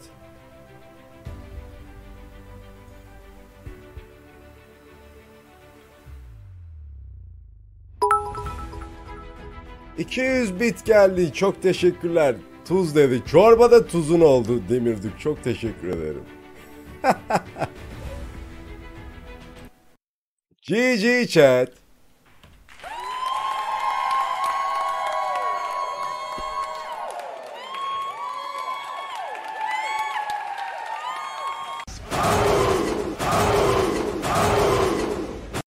Teşekkürler.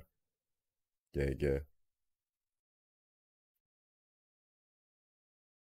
Kleopatra'mız var mı? Vardır. Baya RPG elementleri var diyordu çünkü Firavun oyununda.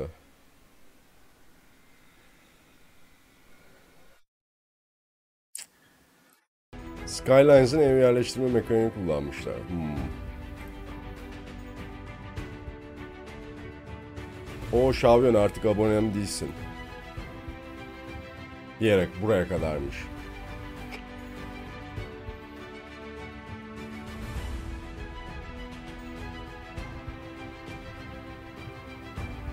Ben oynarım yani her türlü. Ben seviyorum şehir kurma işlerini.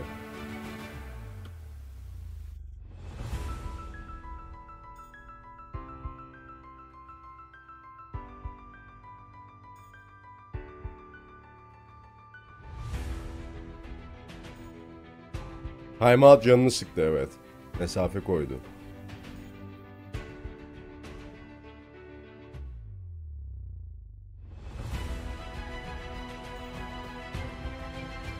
Belediye reklamı tadı verdi. Baksana şuralar. Yaşam kompleksi ya da. Innovia. Yeni bir yayıncı buldum bak sen. Kim o ya? Harbi mi?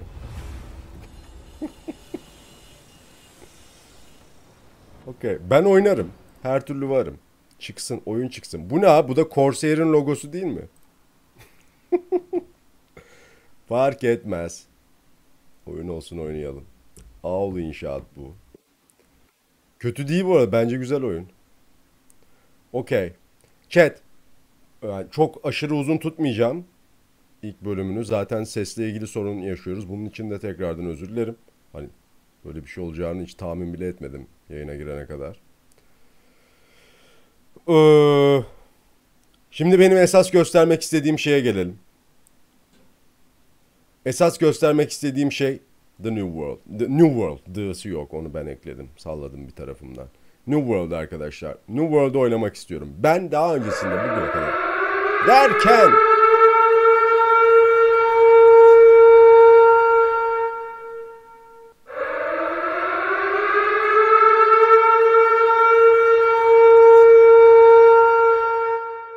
Bilgi Adam Şavyon 5. ay ard arda. Ard arda chat. Ard arda. 5. ayını kutluyor. Çok teşekkürler Bilgi Adam. GG sana.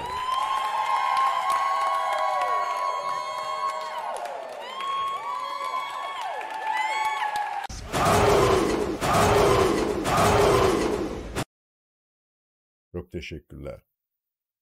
Nice. Umarım habire uyutup dururuz seni. İçerik ürete ürete.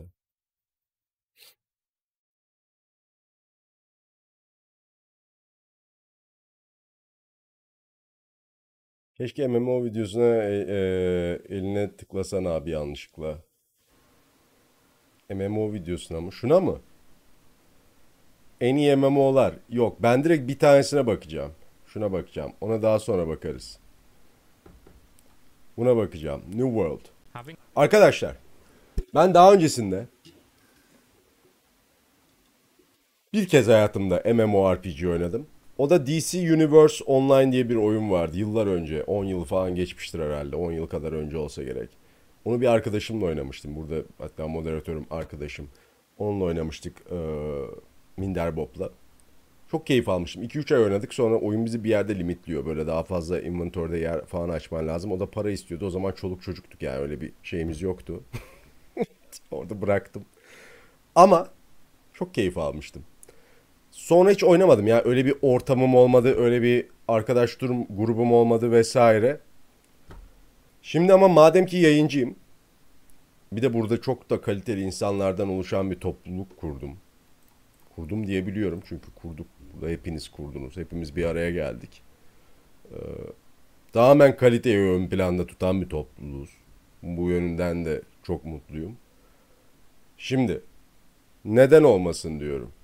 Burada mesela Feraç gibi, Bora gibi 15 yıl WoW deneyimi olan arkadaşlar var. Kualon de diyor 15 yıl MMO ameleliği yaptım diyor falan.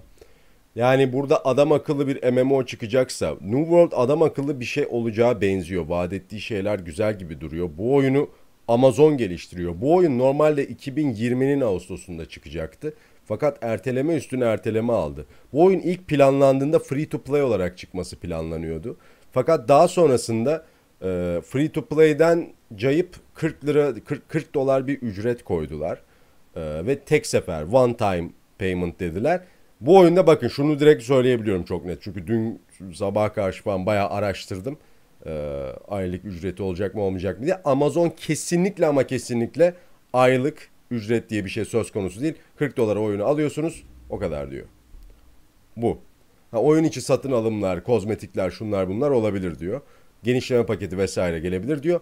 Ama oyun bu.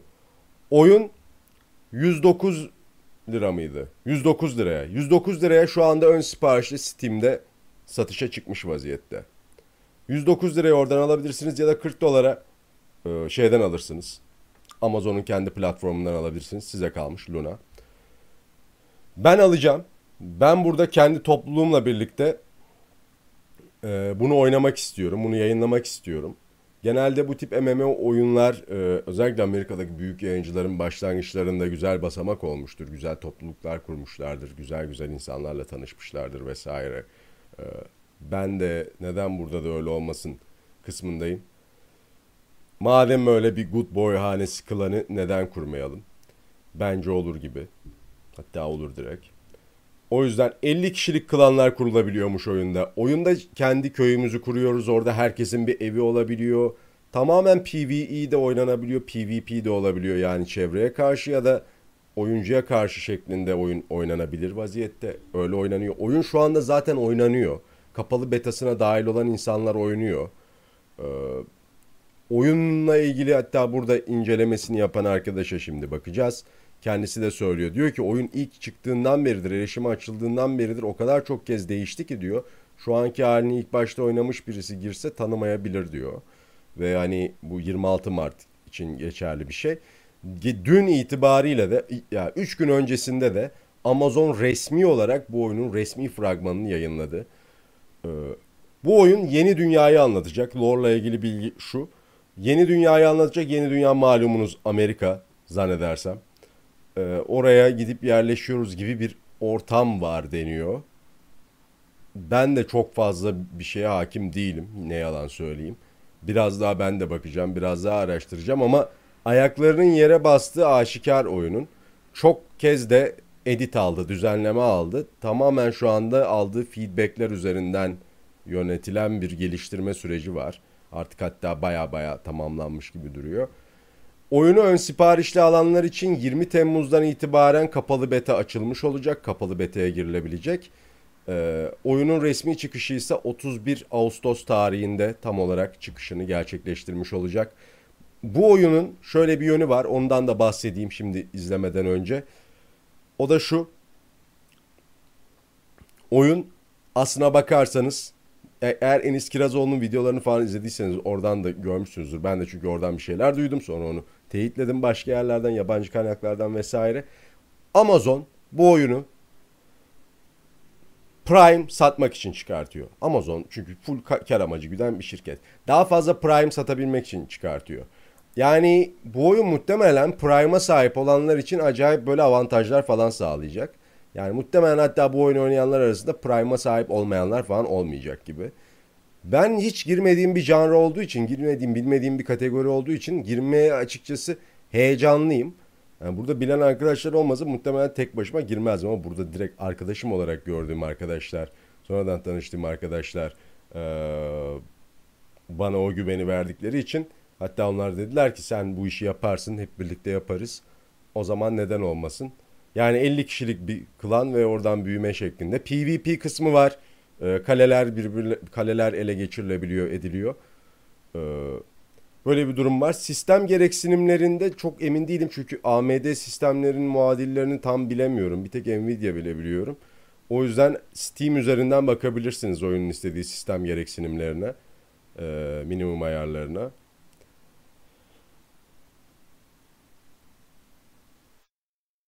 Aynen, aynen. Ha, oraya yazılmış. Mesela bakalım okuyalım. i5 2400K istiyor ya da 4 çekirdekli e, 3 GHz bir işlemci istiyor. AMD istiyor. 8 GB RAM istiyor. Nvidia GTX 672 GB ya da AMD Radeon R9 280 istiyor. 7.2 GB saklama alanı istiyormuş. Bir de Windows 8 64 bit ya da daha yenisi DirectX 11 ile. Bilmiyorum bu çok mu şey, çok mu abartı veya çok mu normal mi bilmiyorum açıkçası. Ama oyun fena durmuyor görsel olarak. Biraz Valheim'a andırıyor demişler hatta ilk gösterdiğinde birkaç arkadaşımız. İzleyelim artık. Çok konuştum. from what was originally a sandbox PvP focused game with very few theme park elements to what it is today, it has been a concern. One that I raised for quite a few months prior to the public ever really getting to play or discuss the game openly due to a non disclosure agreement on the testers. It's been worrying because the game changed so drastically in not just the target audience, but how the game was going to actually play in such a short period of time. There are always going to be some massive issues as they scrambled to repurpose what they had from the previous version of the game to now. Theme park and sandbox games, while sharing the Afiyet genre olsun of Şükrücüğüm. Görüşmek üzere. are usually so vastly different in design that not a lot of one can go into the other. I mention this because we have now seen New World transition almost entirely into a theme park experience, and I'd say that since September 2020, roughly, they've started to really turn the corner on whether or not this game would be a bit of a wet flannel on launch. This video is basically just going to go over the newest addition to the game, actual real questing with voice acting to boot. So, New World, if you played during the preview event in 2020, you know had one of the absolute worst questing experiences of a AAA theme park game you could probably ever experience. It was just honestly really bad. There was almost no redeeming qualities to it other than you were exploring this really nice world and New World's actual map is just stunning in my opinion. It's a really nice place to just walk around and immerse yourself in. But the quests were really, really poor as an experience. And that's not to say that I think theme park questing in general is super engaging, you know, like an amazing experience all the time. But New Worlds was just particularly egregious. I'm talking no voice acting, no actual story, just go from place to place, doing the exact same activities for dozens of hours. Go here, interact with Başlangıçta everyone, aşırı derecede kendini tekrarlayan bir quest dizaynı varmış. probably won't be able to find the Ama onlar çözüldü deniyor. Apparently privated most of their early 2020 developer blogs on their YouTube channel. But it was either there or in an interview that at one point I distinctly remember them saying, New World will not have story quests. The game will tell the story via the environment. Tank yok mu ya? Ben tank olurum işte. Hunter mı tank? Okçu mu? Okey. Benim o. God aim.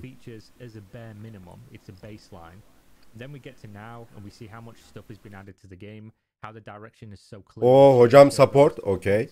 And that's why I'm Ben çok ölüyorum hocam. Hep benle olacaksın. parks. Not because Mecbursun artık. particular fan of theme park games. I like some of them, Hocam iyileştirir misin beni? Sürekli bunu duyacaksın. Hazır ol. This is what the game is now. We have to accept that and just hope it's the best version of itself possible. I think we're slowly getting there, and this is a massive step in the right direction. So, long story short, here we are at today's video talking about questing. So, let's go through it.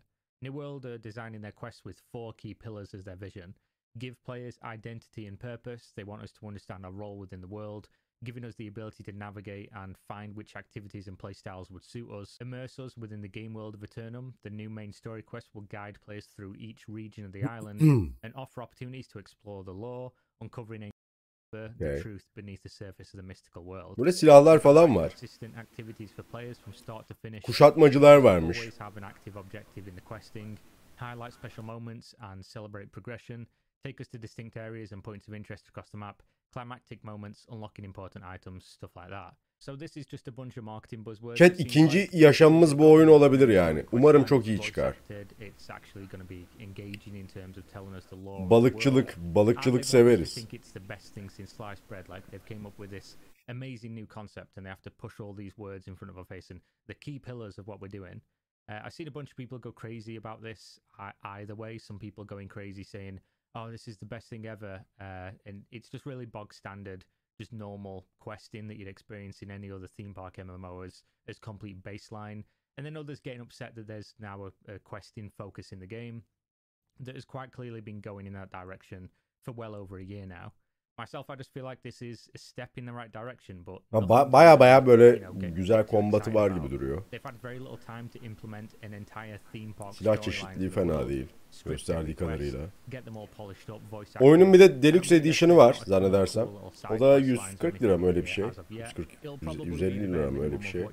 Silah milah veriyormuş. Bu arada bu oyunun geliştirme sürü- süreciyle ilgili merak ediyorsanız şu Enis. Kirazoğlu'nun bir videosu var ona bakabilirsiniz. Yani yılda yes, 500 there are milyon dolar emen bir oyun bu. Uh, Hatta hani Biz tek kişinin de çok zevk oynadığında çok zevk alacağı, aynı zamanda 10 bin kişinin birlikte oynadığında da çok zevk alacağı bir oyun yapalım kafasıyla yola çıkmışlar.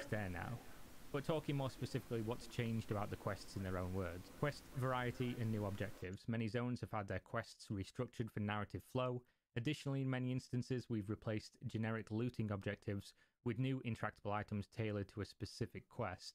This should help increase quest variety along with creating unique experiences within both the main story quest line and many side quests found throughout Eternum. Improved starting experience. The starting experience in early main story quests through to the acquisition of the Azoth staff, a crucial weapon in Ben the okçu fighting olmam ama function, nişancı has had olurum. Okey. alterations to improve progression flow. If you don't want the, what the Azoth staff is, by the way, guys, that's basically what you need to do. Güzel, mekanları falan çok güzel tasarlamışlar. Zaten bu oyunların bence kesinlikle barındırması gereken şey orijinal tasarımlar. and enhance quest directives. We also added English voiceover for the main story quest and starting beaches to help bring the main Hoş geldin Çisem. players encounter to life. Localized voiceover is in progress as well. It's always a treat to see a new face. Whether you are new to Eternum or simply from another settlement. Bu arada bence bu oyun Türkiye'de tutar sonuçta Metin 2 ile büyümüş kişiler bunu kaçırmazlar bence. Olabilir Ediz. Bir de e, çok düzgün komüniteye sahip olan oyun yok. MMO. What do you think of our new camp? Öyle bir Not much şey de var, eksik de var gibi duruyor. Bir de bu oyunun hani 109 lira gibi bir fiyatının olması, free to play olmaması bir yandan da biraz yani biraz daha böyle nasıl desem aklı başında bir kitle yaratmasını sağlayabilir. Maalesef çünkü mali bir bariyer koymazsanız her önüne gelen girdiğinde çok leş bir topluluğa dönüşebiliyor.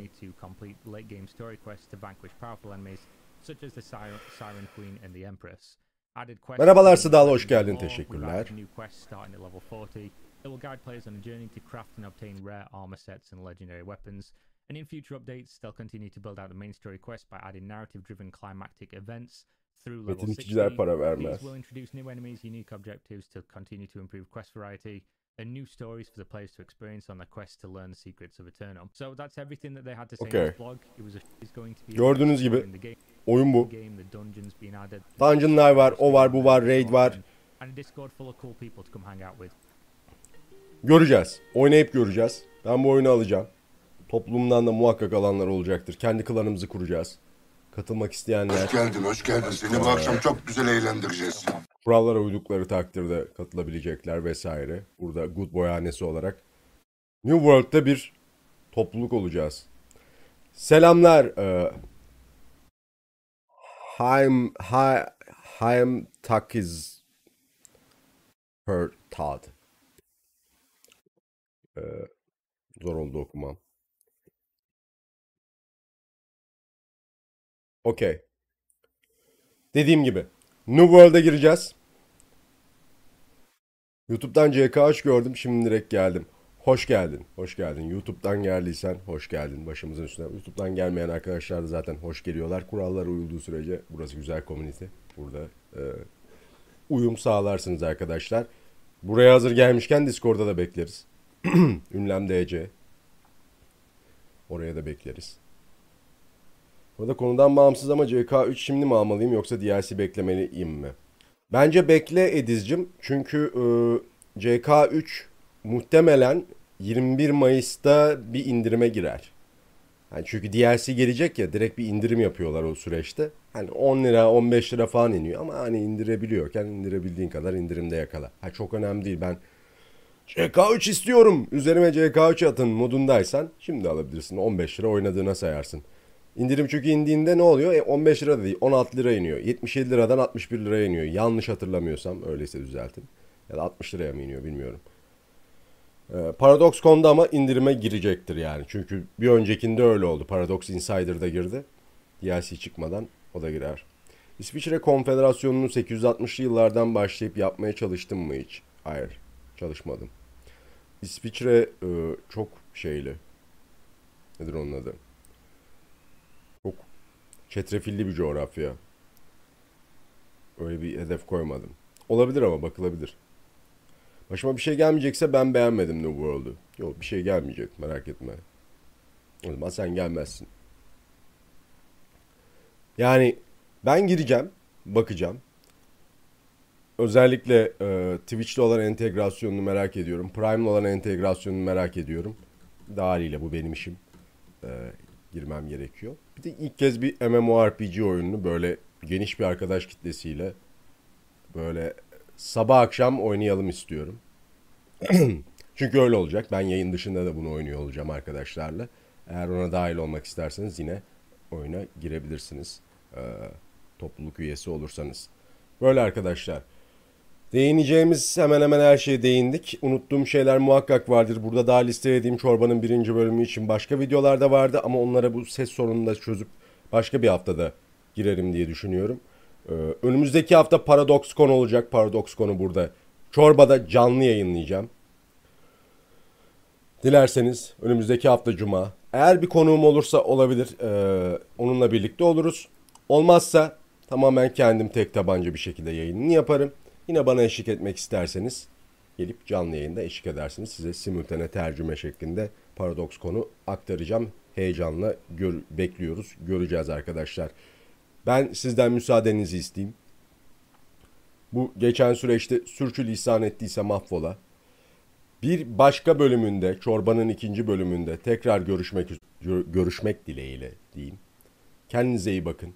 Hoşçakalın arkadaşlar. GG.